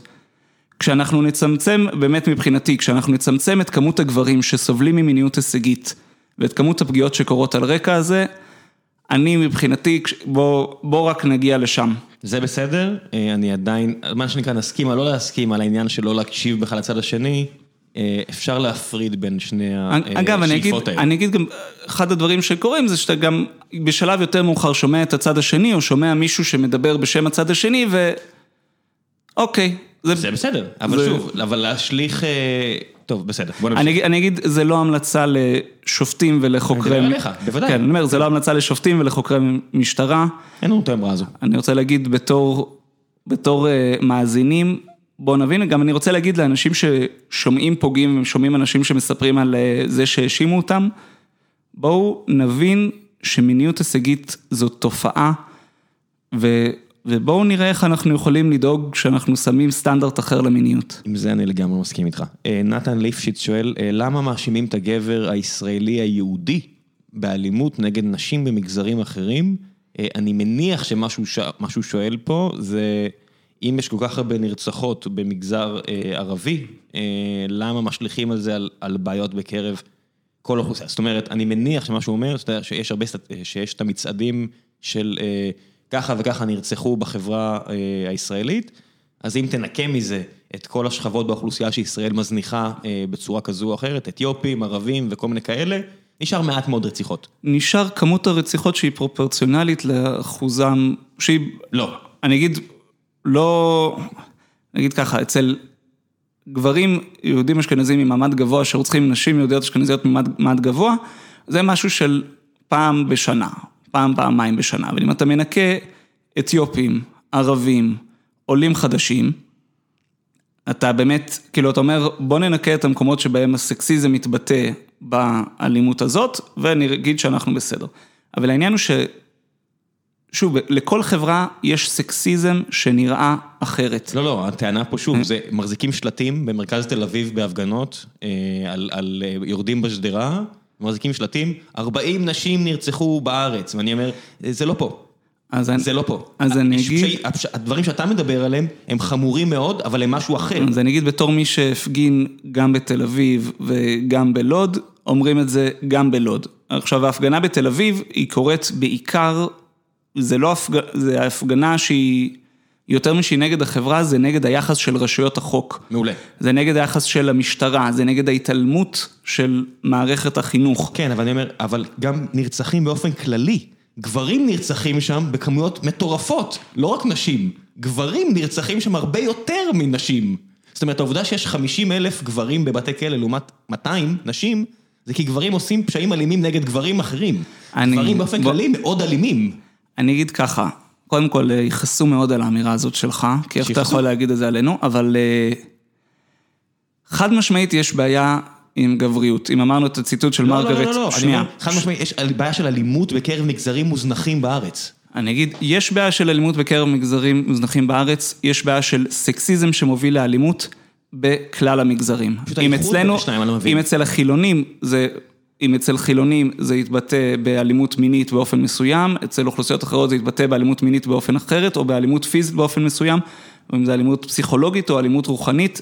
לסקסיזם יש הרבה מאוד צורות, שכולם הבסיס שלהם תפיסה שגברים ככלל שווים יותר מנשים. Mm-hmm. עכשיו, בכל מקום צריך לדאוג להיאבק בתפיסות הסקסיסטיות, ו... וזה משהו ש... זה, זה מה שאני אגיד כתשובה על הדבר הזה. עכשיו, לגבי הטענה שלך שגברים נמצאים הרבה יותר בבתי כלא, יש בעיה בדרך שבה אנחנו מלמדים בנים מה זה אומר להיות גברים. ולבעיה הזאת צריך להתייחס. כשגבר, יש הרבה גברים שהטיעון שלהם על אלימות מינית זה מה, זה מלחמת המילים, גברים נגד נשים. לא. גברים נלחמים בכולם, גם גברים נפגעים מזה, גם נשים נפגעות מזה. כחברה אנחנו יותר אדישים לפגיעות של גברים, בטח שזה גברים מאוכלוסיות מוחלשות? אוקיי? וזה משהו, וזה בהחלט משהו שצריך לטפל בו. עכשיו ההקשרים של, בוא נגיד ככה, כשההקשרים בין גבריות לאלימות כלפי נשים, במיוחד מעבר לאלימות הכללית, זה א', עניין המיניות ההישגית שהזכרנו. ב', זה עניין ההחפצה. הראייה של נשים כחפצים, אה, ככלים לשימוש, בין אם זה בבית או במיניות. או על ידי זמרים כאלה ואחרים. או על ידי זמרים, ממש אה, כחפץ, כסחורה. אוקיי? או, זה... או, כן, אתה יודע, הסרטונים, אני מניח שיצא לך לראות של החבר'ה בקפריסין, אז אומרים, לא היה שם אונס, God damn, אבל הם חלאות, כאילו, אתה מסתכל על התנהגות, אבל... אין, אין אונס כי היא לא סובייקט. אין אונס כי היא, כי היא חפץ. לא, עכשיו... אין אונס כי אין את ההגדרה הפלילית של אונס. זה, בוא נתחיל בזה. אין, אין שם אונס, אתה רוצה לשנות את החוק ואז רטרואקטיבית ולהאשים, בסדר. חוקית, אין שם אונס. אתה יכול להגיד, אני, אני, אני משליך את המילה אונס על הרבה דברים, אני נגד. אני אגיד שפה יגידו לך, הסכמה חופשית, בוא נבחן מה זה אומר. תבחנו. בוא נבחן מה זה אומר. אבל תשליכו את המילה אונס לפני. עכשיו, שנייה. אם מישהו מצלם והיא לא יכולה להתנגד לצילום, האם ההסכמה החופשית היא עדיין נמצאת שם? זה לא אונס. עכשיו, אם אין שם הסכמה חופשית, כי אנחנו מבינים שבהסכמה חופשית היא הייתה יכולה לדרוש שהצילום לא יהיה שם, המעשה הפך להיות ללא הסכמה חופשית. אבל אם שנייה נחזור לקשר כן. הייחודי בין הגבריות לאלימות כלפי נשים, אז המיניות ההישגית זו החפצה, וזו התפיסה שגבר צריך, כאילו, נקרא לזה, לשלוט בנשים שלו. אוקיי? זה נכון יותר בחברות מסורתיות יותר, אבל זה, גבר צריך להיות in control ו in control על הבית שלו, ויש, אם מדברים על אלימות כלכלית, שזה תחום שכמעט ולא זוכים לדבר עליו, תפיסה שגבר, כאילו, הגבר יודע איפה המשכורות הולכות, יש גברים שמקציבים כספים לנשים שלהם. כן, כסף כיס. זה, כסף כיס. זה, נגיד, זה מיניות הישגית, החפצה ושליש, ושליטה זה שלושה אלמנטים שייחודיים באלימות של גברים כלפי נשים, מעבר לדיכוי רגשי שקורה, שמוביל לאלימות בין גברים לגברים, מעבר לשימוש בכוחנות. אוקיי, okay, בוא, בוא נעשה עוד קצת שאלות לפני שנסיים. נעמה גרוס שואלת, אה, מה האתגרים הכי קשים שעומדים בפני גבר שמדבר על אלימות כלפי נשים? אה, עד כמה אתה מרגיש שיש מקום לדבר על אלימות כלפי גברים? אז אני אגיד, האתגרים הם, אה, נחלק אותם לשלוש, יש את האתגר של מול גברים שזה לא נעים להם לשמוע על זה. אמ, יש את האתגר מול נשים שמבחינתן, רגע, מה אתה מדבר איתי על הטרדות מיניות? הכל טוב, אל תפיל עליי את הדבר הזה. ויש את האתגר מול נשים פמיניסטיות, שיש בקרבן כאלו שאו שזה לא מספיק, או שזה באמת אה, טענות על, אה, איך קראת אביר לבן? היה לך איזה מילה לזה. לבן, כן, white knighthood. white knighthood. או שיש טענות כאלה. נגיד, זה, זה כאילו קבוצת הקטגוריות אה, העיקריות של האתגרים. שאלה שנייה הייתה, מה לגיטימציה לדבר על אלימות כלפי גברים, נכון? נושא אחר. זה, אני אגיד, זה נושא אחר והוא קשור, אבל חשוב באמת, אני אגיד, אחד, אחד הטיעונים שהוא, שאחד העניינים קורה שמשתמשים בטיעון של למה לא מדברים על אלימות כלפי גברים, כדרך להשקיט את הדיון על אלימות מגדרית של גברים כלפי נשים. אני רוצה להגיד שלאלימות של גברים כלפי נשים יש הרבה מאפיינים שהם ייחודיים, שגם אם אנחנו הולכים לדבר על אלימות של גברים כלפי גברים, עדיין הנושא של אלימות כלפי נשים הוא נמצא... הוא, הוא עדיין נושא בפני עצמו שעומד, ושראוי לדבר עליו, לחלוטין ראוי לדבר עליו. אוקיי, בוא נעשה עוד שניים, של... שתיים, שלוש שאלות. אה, יהב ארז שואלת, אה, אומרת, וואו, מדהים שאתה מגיע, האם לדעתך צריך להפוך קורסי מבוא, בסיס בסוציולוגיה, מדעי החברה, לחובה לסטודנטים למדעים מדויקים ומדעי החיים? אה, אם תשאלו אותי, יש אירוניה גדולה מאוד בכך שדווקא האנשים שנחשבים הכי משכילים, מירכאות, בחברה, מאוד בורים לרוב בכל הנוגע לתחומי החברה, וחבל מאוד שכך.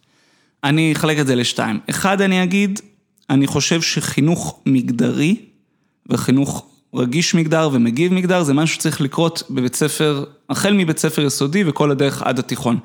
צריך להשקיע בזה כדי לשנות את פני החברה שלנו. זה, זה האמירה הראשונה, האוניברסיטה כבר, אה, יש מי שיגידו חינוך מקצועי יותר, זה בסדר שפחות ילמדו. מה שכן, אני הייתי מצפה מאוניברסיטאות ומכללות שיתחילו להבין שמניעת אלימות מינית זה גם נושא של בטיחות, ואם אנחנו יכולים להקדיש את השעות בשביל קורס עזרה ראשונה, ובשביל לדעת איך להתמודד עם שריפות, אז בואו גם נדע להתמודד עם מקרה שקורה לסדר גודל של שלושה אחוז מהסטודנטים באוניברסיטה בזמן שהם באוניברסיטה, של הטרדות מיניות, בואו נדע להתמודד עם זה, בואו נדע למי פונים, ובואו נדבר על זה בדיון שהוא גם אמיתי, ששם ששם את הסיבות על השולחן. בכיבוי אש אנחנו גם אומרים מה הסיכונים, מה, איך לשמור על הבטיחות מראש, לא רק איך להתמודד עם מה שקורה. אז בואו נבין את הדברים שבעצם הזכרת שהם בבסיס של זה. אה, אם שואלים אותי, אני בדעה ששליש או רבע מתואר אקדמי, כל תואר צריך להיות על נושאים סוציולוגיים וכאלה, לבחירה, תעשו מה שאתם רוצים, אם זה מה שמעניין אתכם. אה, עם כל הכבוד, אתם לא באמת צריכים עוד קורס בקומפילציה וכאלה, במילא בקריירה שלכם תגיעו לזה. אה, קצת להשאיר את הידע ולהתמודד עם נושאים וקצת לקרוא ולכתוב motherfuckers. זה לגמרי משהו שאני אה, הייתי מכריח אנשים לעשות כחלק מהשכלה אקדמית. זה אגב, יהיה ביקורת מגדרית שתגיד האנליטי המדעי נחשב גברי. והרוח והכתיבה נחשב נשי, ולכן המקצועות גם הגבריים נחשבים יותר... אני חייב להגיד לך שגם אה, חנה בית הלחמי וכל מיני כאלה, שהיא אולטרה פמיניסטית, שאני מעריך אותה על הרבה דברים שהיא אומרת, גם הפנתה כלפיי למשל דברים כאלה, אל תביא את המקצועות הגבריים האלה לפה. אה, זה מגיע משני הכיוונים. זאת אומרת, כשאתה מגיע לקורס בהנדסת חשמל ויש בו 95 או 92 אחוז גברים, אה, יש פה... יש פה עניין גם על הרבה אימהות פמיניסטיות שלא אומרות, שם הכסף, אז שם הבת שלי תהיה. זאת אומרת, לא, בואו ננסה לשנות את השיטה. נחשו מה, אתם כנראה לא תשנו את השיטה. אז אולי עדיף to play ball מהבחינה הזו. זאת אומרת, יש גם הרבה למה דברים... למה או-או כשאפשר גם וגם? אפשר גם וגם, בסוף צריך לבחור קריירה. אה, קריירה הרבה פעמים היא בדידה. זאת אומרת, אין להרבה אנשים את הפריבילגיה לעשות כמה דברים. והבחירה הזו של גברים ללכת למשהו שפחות מעניין אותם, אם לצערי זה פחות מעניין אותם, רק בגלל ששם הכסף, אז א', לצערי הם יהיו פחות טובים ממה שהם עושים, אבל הבחירה הגברית הזו, במרכאות... להיות מפרנס. של להיות המפרנס, אה, יש פה מכל הכיוונים. בסדר, גם אמהות פמיניסטיות צריכות להבין שהמהפכה מתחילה גם בצד הזה. זאת אומרת, אתה צריך לקחת גם חלק מהנטל. לצערי. אה, ארנון בן דוב שואל, קודם כל דש חם ליותם ואני מעריך אותו בטירוף על כל העבודה שהוא עושה. אשמח לשמוע סיפור הצלחה שבו אה, הוא הצליח לשכנע מישהו שהגיע עם דעה שונה לחלוטין. יאללה, שאלה אחרונה. אמ, אני רוצה להגיד ככה, זה לרוב, זה לרוב לא קורה בסיפור הצלחה של שיחה אחת שבה קרה משהו. אבל אחד הדברים שקרו לאורך השנים, זה שפתאום גיליתי כל מיני גברים בסביבה שלי שקראו והבינו, ו... והגיעו אליי ואמרו, תשמע יותם, המיניות ההישגית הזאת שדיברת עליה, יש לי אותה. בוא, מה, מה אפשר לעשות? או מישהו שהגיע וסיפר לי על זה שידידה שלו סיפרה לו על פגיעה מינית שהיא עברה. ושהוא מבחינתו, כאילו, ושהוא הרגיש שהוא מסוגל להתמודד עם זה יותר טוב, כי בזכות דברים שהוא קרא, אז הוא הצליח להבין. או חבר אחר שסיפר לי על סיטואציה באוטובוס, שהוא ראה גבר יושב ליד מישהי ולא מפסיק להציק לה למרות שהיא בבירור לא מעוניינת, והוא ניגש אליה ושאל אותה אם היא רוצה להחליף איתו מקום. והיא הסכימה ושמחה. כן, שזה הפתרון הקלאסי מאשר אה, לאיים על הבחור שיפסיק. לגמרי, פתרונות פתרונות כן. יצירתיים, לא לעורר אנטגוניזם, לנסות לא, למצוא... פתרונות בלי אלימות.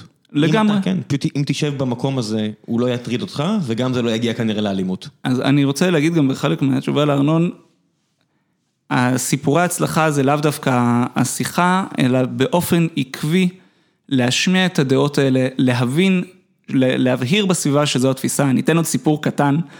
ישבנו, היינו כל האחים ביחד באיזה סיטואציות, ראינו, ראינו קליפ של רובין וויליאמס. עכשיו, הוא עולה לבמה, כאילו, הוא שר, הוא שר והוא מזמין מישהי לעלות על הבמה, לשיר איתו, לא זוכר איזה שיר, כאילו מחבק אותה, מחזיק אותה, ואז תוך כדי היא שמה לו יד על הטוסיק. עכשיו, אחותי באותה נקודה מסתובבת אליי ואומרת לי, נו יותם עכשיו אתה תגיד שזה הטרדה מינית?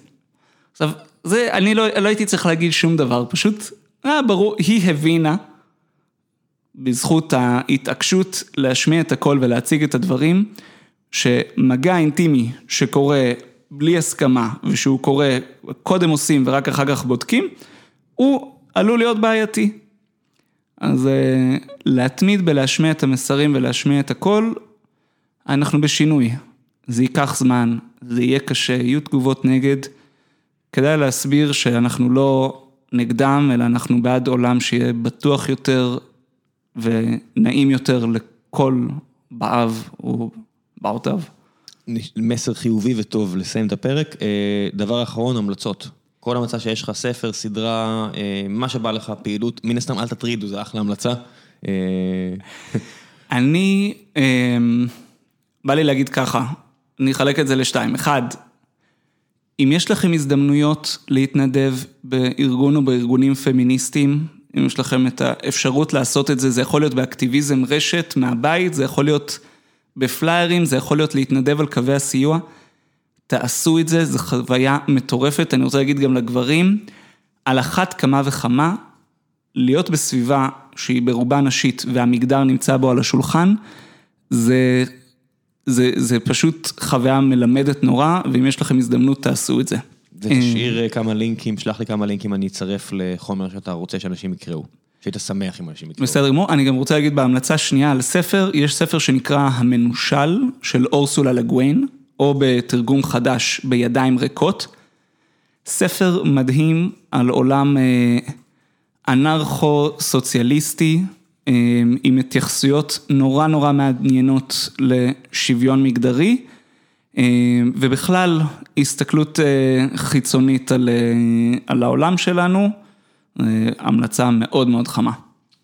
אני קראתי, בחג אני בדיוק עכשיו קורא שני ספרים על משברים, ככה יצא, אחד אמרתי שאני קורא את ג'רד דיימונד Upheaval, זה ספר של אלף עמודים אז ייקח לי זמן, אני מקווה לסיים בקרוב, והספר השני שקראתי היה של רועי בן טולילה, שיגיע להתארח בפרק חודש הבא, הוא רק ביקש שנקרא את הספר לפני שהוא מגיע.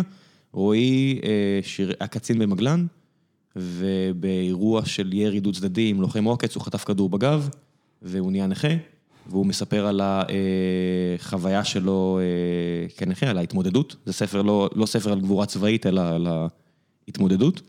ו...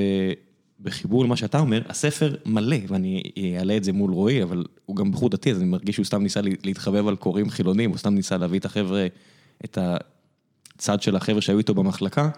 הספר מלא במיניות הישגית, של החבר'ה שהיו איתו. זאת אומרת, יש שם על, על הקצין שייטת שגם אה, אה, פצוע מאוד קשה, איבד את הרגליים, ורק על כמה מהר הוא חזר לזיין. זאת אומרת, וזה מלא בזה, וזה כל כך בוטה שם. שאני אומר, אוי, היה אפשר לוותר על כל הקטעים האלה, אני אדבר על זה עם רועי שהוא יגיע. אני אני רוצה להגיד, אני יכול להבין את האמירה שלך שאפשר היה לוותר, אני רוצה אבל להגיד שזו דרך להגיד, אחרי הפציעה, לא, בוודאי. שמורידה בגבריות, צריך להשיב את הגבריות לתקנה. כן, זה, הטענה, זה, הוא מביא שם דמות של מישהו שהיה ככה לפני, ומביא מישהו ככה אחרי, הוא פשוט מראה שהוא לא השתנה, זה התמה הסיפורית שהוא מביא את, ה, את העניין הזה. אני פשוט אומר, זה כל כך... אה, בוא נגיד שהייתי מוריד את החלק הזה מהספר ולא היה קורה כלום, אה, אבל אולי זה פחות ידבר על אנשים אחרים ככה, אבל זה בהחלט עדיין ספר מומלץ. אה, אני, אני אגיד אולי כשלב ראשון, רק לשים את המודעות ולתת לזה שם, כי ברגע שיש לזה שם אז כבר אפשר, אז, אז אפשר יותר בקלות להתמודד עם זה. אתה רצית שעכשיו אני אגיד לך על טקסטים לקריאה, או שזה... לא, אתה יכול לשלוח לי, אלא אם כן יש לך עכשיו שאתה רוצה להוסיף. אני, אני אגיד טקסט אחד עכשיו, אני אגיד אה, שהוא מבחינתי מכונן, טקסט שנקרא על חלוקת סיכונים הוגנת ביחסי מין ובכלל. הרגת. על חלוקת סיכונים הוגנת ביחסי מין ובכלל. כן, אה, אם אני מדייק בכותרת, אם אני מדייק בכותבת, זו קרן שפי. טקסט נורא נורא מעניין, הוא נכתב הרבה לפני מיטו, והוא מתאר, מתחיל מניסוי מחשבתי על עולם, שבו מספיקה מילה של אישה כדי להרשיע גבר, אבל באמת, לא כמו אצלנו. והוא מתאר איך עולם כזה ייראה מבחינת הנשים ומבחינת הגברים, וטקסט מדהים. Fair enough. תמיד ניסוי מחשבתי זה טוב. אם דיברנו על איינשטיין, הבחור שינה את העולם מתוך הראש שלו. או על המבורגרים, או בעוד עשרים שנה. זה גם מגיע. אני, אני לא סתם שאלתי את זה בצורה קנטרנית, כי כשאתה רואה ימינה-שמאלה ואתה רואה בני נוער היום על ה... אתה יודע, על הכעס שלהם, זאת אומרת, אותה אה, שוודית, לא חמודה, אבל אותה שוודית אה, לוחמת, אה, היא ייצוג של דור חדש, שהולך, אתה יודע, כמו מיטו, לשנות את החוקים על הממזרים. אז כל הממזרים צריכים להבין שאולי החוקים השתנו, ואם הם רוצים לקבל את זה עכשיו או לא. אם אתה הולך לשלם רטרואקטיבית על פשעים, אז נעשים הרבה פשעים. אני אגיד ש... כי פשעים קובעים בעתיד מה הם פשע. למז... למזלנו חוק העונשין הישראלי קובע שפשע לא יכול לחול רטרואקטיבית. זה מדהים. אה, חוקים גם משתנים רטרואקטיבית, ובספר הזה של אה, ג'רד דיימונד, הוא מראה שם, אה, הוא מדבר על משברים. אני אכתוב משהו על, על הספר הזה, והוא מדבר שם על פינלנד. פינלנד, בתום מלחמת העולם השנייה, עשתה, למרות שהיא שרדה את המלחמה מול הרוסים, בגבורה מדהימה, החליטה להרשיע רטרואקטיבית את ראש הממשלה שלה ואת כל הפוליטיקאים רק כדי להתחבב על הרוסים, והכניסה אותם לכלא על פשעים אה, נגד האנושות וכו', כי הם שיתפו פעולה עם הגרמנים, אחרת הם פשוט מתים שם על ידי רוסים. אז הכניסו אותם לכלא רטרואקטיבית, ואז הם יצאו ונבחרו 30 שנה שירתו בכל התפקידים. העם אהב אותם, ועדיין הם הורשעו רטרואקטיבית. אה, להסתמך על חוק העונשין הישראלי, כמו שאתה חותם על עסקה על גז ואז היא משתנה, אה, מי שרוצה להסתמך על החוק, שיבושם לו, אבל החוק יכול להשתנות במחי חקיקה. כן, אז אולי אבל נגיד את זה על דור העתיד, שאולי גם שווה להגיד על הדור שלנו. הוא כועס דור העתיד. הוא כועס, ו... ויש שלב, בוא נגיד, כשהסיבות לכעוס אה, שוכחות, יש הרבה מקום גם לחמלה, וזה משהו שהוא באמת, הוא באמת חשוב, והיכולת להגיד, אני מבין איך, אני מבין איך זה עובד, אני רוצה לשנות את זה, כי זה פוגע. אני מבין איך זה עובד, בוא נשנה את זה. זה דורש הרבה חמלה שאני מאחל לעולם. אני בהחלט מאמין שזה עדיף. אם אתה עושה אופטימיזציה לפתרון ולא על הדרך לפתרון, אני מהמר שזו דרך הרבה יותר טובה מאשר full blown כעס. אני גם מבין מאיפה מגיע הכעס. אני פשוט אומר, אם עושים אופטימיזציה לדרך, אני חושב ששווה לבדוק את זה. אה, חמלה גם לכועסות וגם אה, לאלה שכועסים עליהם. שזה בטוח. אה, באופן כללי. יאללה ביי. צ'או.